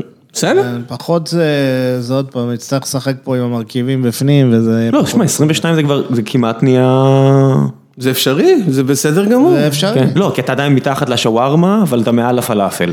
כן, ברגע, אבל- שבן, ברגע שבן אדם הולך לאכול מנה בשרית, הוא יודע שהוא הולך לשלם מעל 20 שקל. אם אתה באמת מצפה לקבל מנה בשרית בפחות מ-20 שקל, אתה לא תקבל כלום, זה יצחקו בדיוק. עליך. לא, אתה מקבל את הדברים האלה של הנקניקיות אצבע ב- כן, נו. כן, יש פה גם עניינים של גרמים שצריך אה, להתייחס, כן? אה, כמה גרם בעצם של מוצר אתה שם, זאת אומרת של בשר, כן? עכשיו גם, זה גם קומפוזיציה, נגיד שאתה אוכל, אה, אה, נו, שווארמה, אז השווארמה באה לך עם פיתה וחומוס בפנים, זאת אומרת, והשילוב של שלושת הדברים האלה הוא איכשהו מסדר בוא לך לא את נתחיל הבטן. לדבר על שווארמה, למה אני אתחיל להתעצבן, תאמין לי, אני לפני חודש הגעתי למקום, אני לא אנקוב איפה, והוא הוציא לי אה, כיסון אה, טיפה יותר גדול מהסף, מהגודל של הקצה של הספל פה, והוא אמר לי, "אה, מה לשים לך? אמרתי לו, אל תשים לי כלום, עזוב אותי. יש כל כך הרבה מקומות שמוכרים שווארמה טובה בארץ. יש בארץ אנשים שעושים אוכל רחוב ועושה, אני אומר עוד פעם, אני אומר את זה בכל, בלי איזה, שהם, אני לא נוקב בשמות שהם מיליונרים, הם יודעים מה הם עושים, הם עסוקים ב fine-tuning, הם יודעים למצוא בדיוק את המחיר שימצא חן בעיני הלקוח, והם מתפרנסים מעבר לבכבוד, ובלי לפגוע בלקוח, והלקוחות לא מפסיקים להגיע. כשאתה אומר 22, מבחינתי, גם אם המוצר הזה הוא ממש איכותי והוא יהיה 25 שקלים, זה עדיין בתחום האפשרי לעצור את עצמך ולהשקיע בעצמך 25 שקלים, לאכול מוצר שהוא טיפ טיפה יותר גבוה מכל שאר היצרנים הגדולים, שבאמת... אה, אני לא, אני באמת מנסה להימנע מלאכול את הנקניקיות שלהם, אני באמת גם מנסה להימנע מלכתוב על הנקניקיות כאלה, כי הן באמת לא, לא מעניינות כן. יותר מדי. הנקניקיות היחידות באמת שאנחנו מכירים בארץ זה, זה כמו שאמרנו שנראות יותר בייצור זה המרגש כמו שדיברנו, אבל רציתי לשאול אותך, מכל סך הזמן שלך של הייצור, כמה אתה משקיע, בוא נגיד באחוזים בפיתוח? כמה אתה עסוק בפיתוח? כי אתה כבר נהיית יצרן. כן, לא, זה עניין של אה, מוד, זה עניין של אה, צורך, זה עניין של... אה, אני לא יכול לחלק את זה בזמן. כל, הראש שלי כל הזמן עובד, כל הזמן יש לי אתה נוסחאות מנצל את בראש. הזמן בסדנאות לקבל רעיונות גם מאנשים שמגיעים, או לשמוע, או ש... גם, בהחלט, כל הזמן. מה היה הרעיון האחרון ש... כן, זה מעניין. שהיה מגניב? אה, הרעיון האחרון, אבל זה, זה היה פיתוח, אה, אה, האמת שלא רק שלי, שעשיתי איזה אה, ליין של סדנאות אה, בבית ספר שנקרא פיינקוק, של יאיר פיינברג שם. אוקיי. אז הוא מתעסק עם סו-ויד וכל מיני, ועשיתי שם סדרה של סדנאות, ועשיתי נקניקייה שם ביחד עם... אה, איתם, אה, שהרעיון היה כאילו לעשות אה, נקניקיית חמין. כאילו, יש הרי, בח- בחמין יש, בחמין יש את הקישקי הממולא, נכון? כן. הקישקי הממולא. אוקיי. עכשיו, אני חושב סוסג'ס כל הזמן, נקניקיות, נקניקיות. ועלה לי הרעיון לקחת את המילוי בעצם של הקישקי הממולא, את השומן, מה זה קישקי ממולא? מה יש אוקיי. בפנים? שומן, קמח ובצל. נכון. עכשיו, לקחתי חמין שעשינו אותו, כן? פירקתי אותו לחתיכות קטנות, כאילו, נגיד השועית נשאר שלם או כזה מעוך כזה קצת, הבשר מפורק, התפוחי אדמה, הביצים אפילו, אוקיי. והכל ביחד עם השומן, ומוכנס לתוך המעי. זאת אומרת שיש לך נקניקייה בעצם שהיא חמין. איזה איזה עובי הדבר הזה יצא? זה היה במעי של אה, בקר, וזה יושב שעתיים בתנור. עכשיו, בגלל שזה גם עם קמח, אתה אחרי שעתיים אתה מריח כאילו pastry. כאילו, כן. בצ- אתה מריח אה, מאפה. זה משה בתיבה זה- באקסטרים. וואו, מאפה. של חמין, משהו מטורף, כאילו. וואו. תשמע, זה, זה, אבל אתה חייב לאכול את זה במקום, כי זה עם ביצים בפנים, אתה לא יכול להשאיר את זה יותר מכמה שעות, זה לא, אי אפשר להקפיא את זה, אי אפשר כלום, אתה... לא, אתה יכול אה, להקפיא את זה לפני שאתה מכניס את זה לתנור. כן, כאילו. לא, זה... מה המאכלים הכי טובים עם נקניקיות? מה המאכלים? כן, הרי אתה יודע, מרגז אתה יכול לשים בך בשקשוקה, ואתה... איפה... אה, טוב, מבחינתי זה השוקרות. כאילו, שוקרות זה זה חגיגה, זה הכרוב הכבוש. עם כן, ה- כן, השוקרות, המקום היחיד בתל אביב שמוכר. שוקרות זה אצל איציק ורותי, יש להם אה, יום בשבוע, שהם יום רביעי לפי דעתי, שהם כן, עושים אה, שוקרות. ברסרי. לא, זה ברסרי, פה באיציק ורותי בשנקין, איפה שיש להם... אה, אה, כן. מה, יש להם קצת שוקרות, היא עושה שוקרות, במקרה, אוקיי. רק מבינים עוצרים, הם לא מבינים מה זה השוקרות, אז אני מאוד אוהב שוקרות. יש פה ניר אה, אנגלברג שמנסה להפיל אותך, אומר, מה המקומות בתל אביב בארץ הכי הכי מומלצים לאכול נקניקיות? אתה מבין, יש פה כאן מנסה להפיל אותך. אה. לכו לאלן, זה המקומות הכי טובים. כן, אני יכול להזכיר כמה מקומות ש... עזוב אותך. אה, מה סוג הנקניקייה האהוב עליך, הוא שואל? הנקניק או הנקניקייה? נקניקייה. נקניקייה, סן גלן או וייסוורסט. סן גלן זה נקניקייה מסן גלן. אה, בשוויץ, שזה מקביל לווייסוורסט הגרמנית, שזה נקניקייה מעודה, כאילו נקניקייה מבשר חזיר, אה, מעודה ועשויה, על- ב- ב- הסן גלן, בעיר שם עושים אותה על הגריל, כאילו. וקודם כל זה נקניקיית אמולסיה, טעמים, זה מוסקת, אה, משיה, גרידת לימון, נקניקייה שאני מאוד מאוד אוהב. שואלים פה, אה, עמית שואל, לא עמית, אה, זיו פלג שואל, למה יש מיליארד המבורגריות וכל כך מעט מקומות שמוכרים נקניקיות? אה, זה בגלל שעדיין לא מוכנים פה, עדיין לא מוכנים מספיק לנקניקיות. והמצב, אחד הדברים המעניינים בעצם בקטע, בקטע של ההבדלים האלה, תמיד אני אומר, זה נקניק, אנשים לא חושבים על זה ככה, אבל אם אתה קודם כל צריך לחשוב שנקניקייה עושים מ-100% נקניק מסוג מסוים, נגיד בנקניקיות לגריל, אה, עושים ב-100% בשר, כאילו, ושומן כמובן, אבל, וכשעושים המבורגר זה גם, גם, זה, בוא נגיד, הנקניקיות האלה זה בעצם כמו לעשות אה, המבורגר, רק להכניס אותו לתוך המעי, חוץ מזה שזה טיבולים אחרים. ואתה לא יכול לתמחר אותו כמו שאתה עושה את אתה ההמבורגר. לא יכול לתמחר אותו, כמו- כי יש לך קודם כל עוד אה, כמה שקלים על המעיים, וגם עבודה הרבה יותר. עזוב כאילו. את זה, בנקניקייה אתה עושה נקניקייה ובהמבורגר דופים לך צ'יפס, דופים לך את הלחמניה, ואתה מרגיש שקיבלת הרבה יותר, ופתאום המחיר מגיע ל-50, 60, 70 שקל, ובעצם יש מעט בשר. בנקניקייה, אם אתה מביא לי פחות ממלא נקניקייה, אני מרגיש ש- אז זה- שעקצת זה- אותי. זה אחד הבעיות, אחת הבעיות הבסיסיות. שנית, יש את הבעיות של ה... אתה יודע, אתה שם לישראלי, לרובה, לרוב ההמבורגר או נקניקיות, הוא ייקח המבורגר. אין מה לעשות, בארץ זה נהיה מטורף לגמרי ההמבורגר. אה, וכל ה... כאילו, יש לזה גם קידום, אה, קידום מכירות חזק מאוד, וגם... זה נתפס פה. תשמע, אף חברה לא עשתה לנקניקיות את מה שמקדונלדס עשו להמבורגר. אה, כן. כן, גם נכון. כן, בסופו של דבר זה מיט- היה חברות ענק אמריקאיות שעשו את המיתוג. אה, אומף גנור, אה, איש יקר ובעל בר פה אומר, איזה איש מקסים, האם אתה עדיין שותה גינס כאילו גדלת בדבלין? עדיין, כן. שותה, שותה, אתמול שתיתי. אה, אני לא אביחי, שותה בכלל, אני שותה פעם בשנה, זהו. זה- אתה נופל פה על מישהו ששותה רק בימים שנגמרים בוואי נראה לי. אביחי אלמר שואל, מה אתה חושב על משגיחי כשרות? אל תענה. אה, לא, אין לי מה. אין מה לענות, אל תענה, עזוב, אתה יצרן. תראה, דואגים לך פה. אל תענה. אה, יניב, אה, מפחיד. יניב שואל, יש דבר כזה נקניקיות בריאות? זאת אומרת בריאות ביחס נגיד לחזה עוף אפוי? לא, שאלה טובה. שאלה ממש טובה. אפשר לעשות, אבל זה לא יהיה טעים, כאילו, זה לא... כאילו... למה? כשדיברנו מקודם על נקניקיות שיתאימו אולי אפילו לילדים, אתה לא יכול לעשות נקניקייה שהיא תהיה יותר... כמו שאמרתי לך, נקניקיה חייבת אה, להיות עם אחוזי שומן בפנים. בסדר שומן, אבל אוקיי, הבנתי שומן, גם הילדים שלי אוכלים קבבים עם שומן, זה בסדר, גם עם שומן כבש הם אוכלים, הם למדו לאכול את זה, כלומר שומן כבש היותר טוב. אה, גם סטייקים, בסדר, אז עושים נקניקייה שהילד יכול לאכול, אתה לא חייב לתת לו 4-5 נקניקיות כמו שעכשיו הוא לוקח לא, כשהוא אוכל. מעולה, אני- אם אתה שואל אותי... מה, ללכת לאכול את לא- הפסטה שדיברת עליה לא, מקודם, לא, זה לא. בכלל מזעזע. אני גם לא חושב ששומן זה דבר רע. לא, ממש לא, ממש לא. שומן... אה, אתה יודע, בבדיקה. שעשו פעם אחת גילו ששמלץ יותר בריא מחמאה, אתה מבין? שמלץ. כן. שדבר ש... הכי כאילו התרחקתי ממנו, בסוף באו אמרו לא, לא, לא, טעיתם לגמרי, השמלץ הוא הבריא. כן. אז אה, יש, יש מה ללמוד בנושאים האלה. עוד פעם, זה הכל עניין גם כמה אוכלים, שוב, זה... אתה יודע, אם אתה תאכל כל יום אה, חצי קילו נקניקיות, אז בטח שזה לא... כנראה שזה לא משהו. ייראה טוב בסופו של דבר. אביחי אלמיור אה, שואל בסוף גם, נעשה איזה שאלה אחרונה, למה תמיד שפים אומרים שאין להם כוח לבשל בבית? אתה מבשל נקניקיות לעצמך גם בבית? בטח. זה- חייב. אה, בייחוד עכשיו שיש לי, אה, הילד שלי, זיו, בן ארבע, הוא חולה נקניקיות. באיזה גיל אה, התחלת אני חושב לחשוף אותו? שהאכילת נקניקיות שלי עלתה בזמן האחרון. או, באיזה גיל התחלת לחשוף אותו? אני חושב שנתיים וחצי, הוא כבר אכל את הנקניקייה הראשונה שלו. נו, שנתיים וחצי? הייתי בטוח שתגיד לי שנה. לא, לא, לא צריך ל... עוד פעם, יש לו גם אימא, אז... אה, יש בוס. לאמא יש דעה. לא יודע, לא, אה, עוד אש- פעם, אשתי חושפת אותו לדברים צריך. לפרק אותה, צריך... אה, נכון, זה נורא מסוכן, כאילו, בוא- נשים פה- נכון, ברור, ברור. חנק זה, זה הדבר שהכי מסוכן, וטבעות, כן, ולא לא. משחקים עם זה, וזה הדבר לא. הכי... איך אתה מגיש לו את זה ממש. לא, אני פורס, כאילו, חותך לו את זה.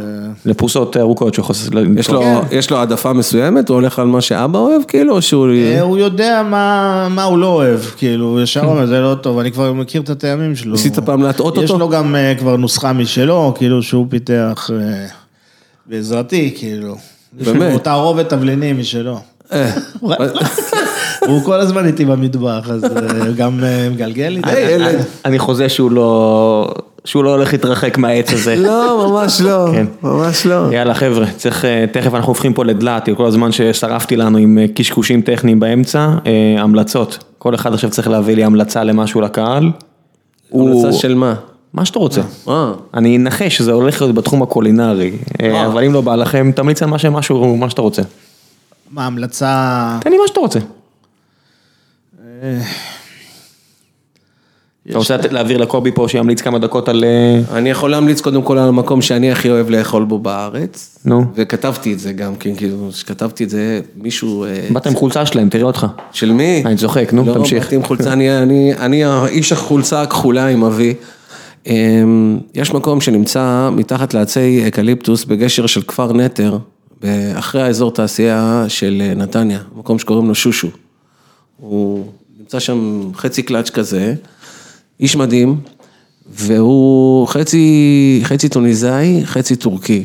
שתבין איזה סלטים הוא עושה במקום, יש לו כל מיני קריות, סלט כאלה מגניבות, שמבחינה, אם יוצא לך מבחינה מקצועית לנסוע לכיוון נתניה, אני מאוד ממליץ, תיכנס למונה תואם, לטור שלי, תיכנס לשושו, תקרא ותלך אליו, תגיד לו שאתה חבר שלי, הוא יודע מי אני כבר, ולך תאכל קבב טלה אצלו, הוא עושה קבב טלה, אין מילים, בתוך בגט טרי, הוא מביא בגטים כל שעה, הוא ארטיזן אמיתי. אתה רוצה המלצות גם נטפליקס בדרך? מה שבא לך. מה שבא לי, דרי גרלס, תראו את אה, נערות דרי, זה מאוד חשוב, עונה שלישית של גלואו מתחילה, אני יודע שאני יוצא קצת גיקי, אבל לא נורא, זה אחלה הסדרה, באמת מומלץ. מר אלן. דיברנו על בירה, אני... ואתמול ישבתי שם אצל אמירם, אני אוהב לשבת... היה ברור שהוא ידבר על בירה.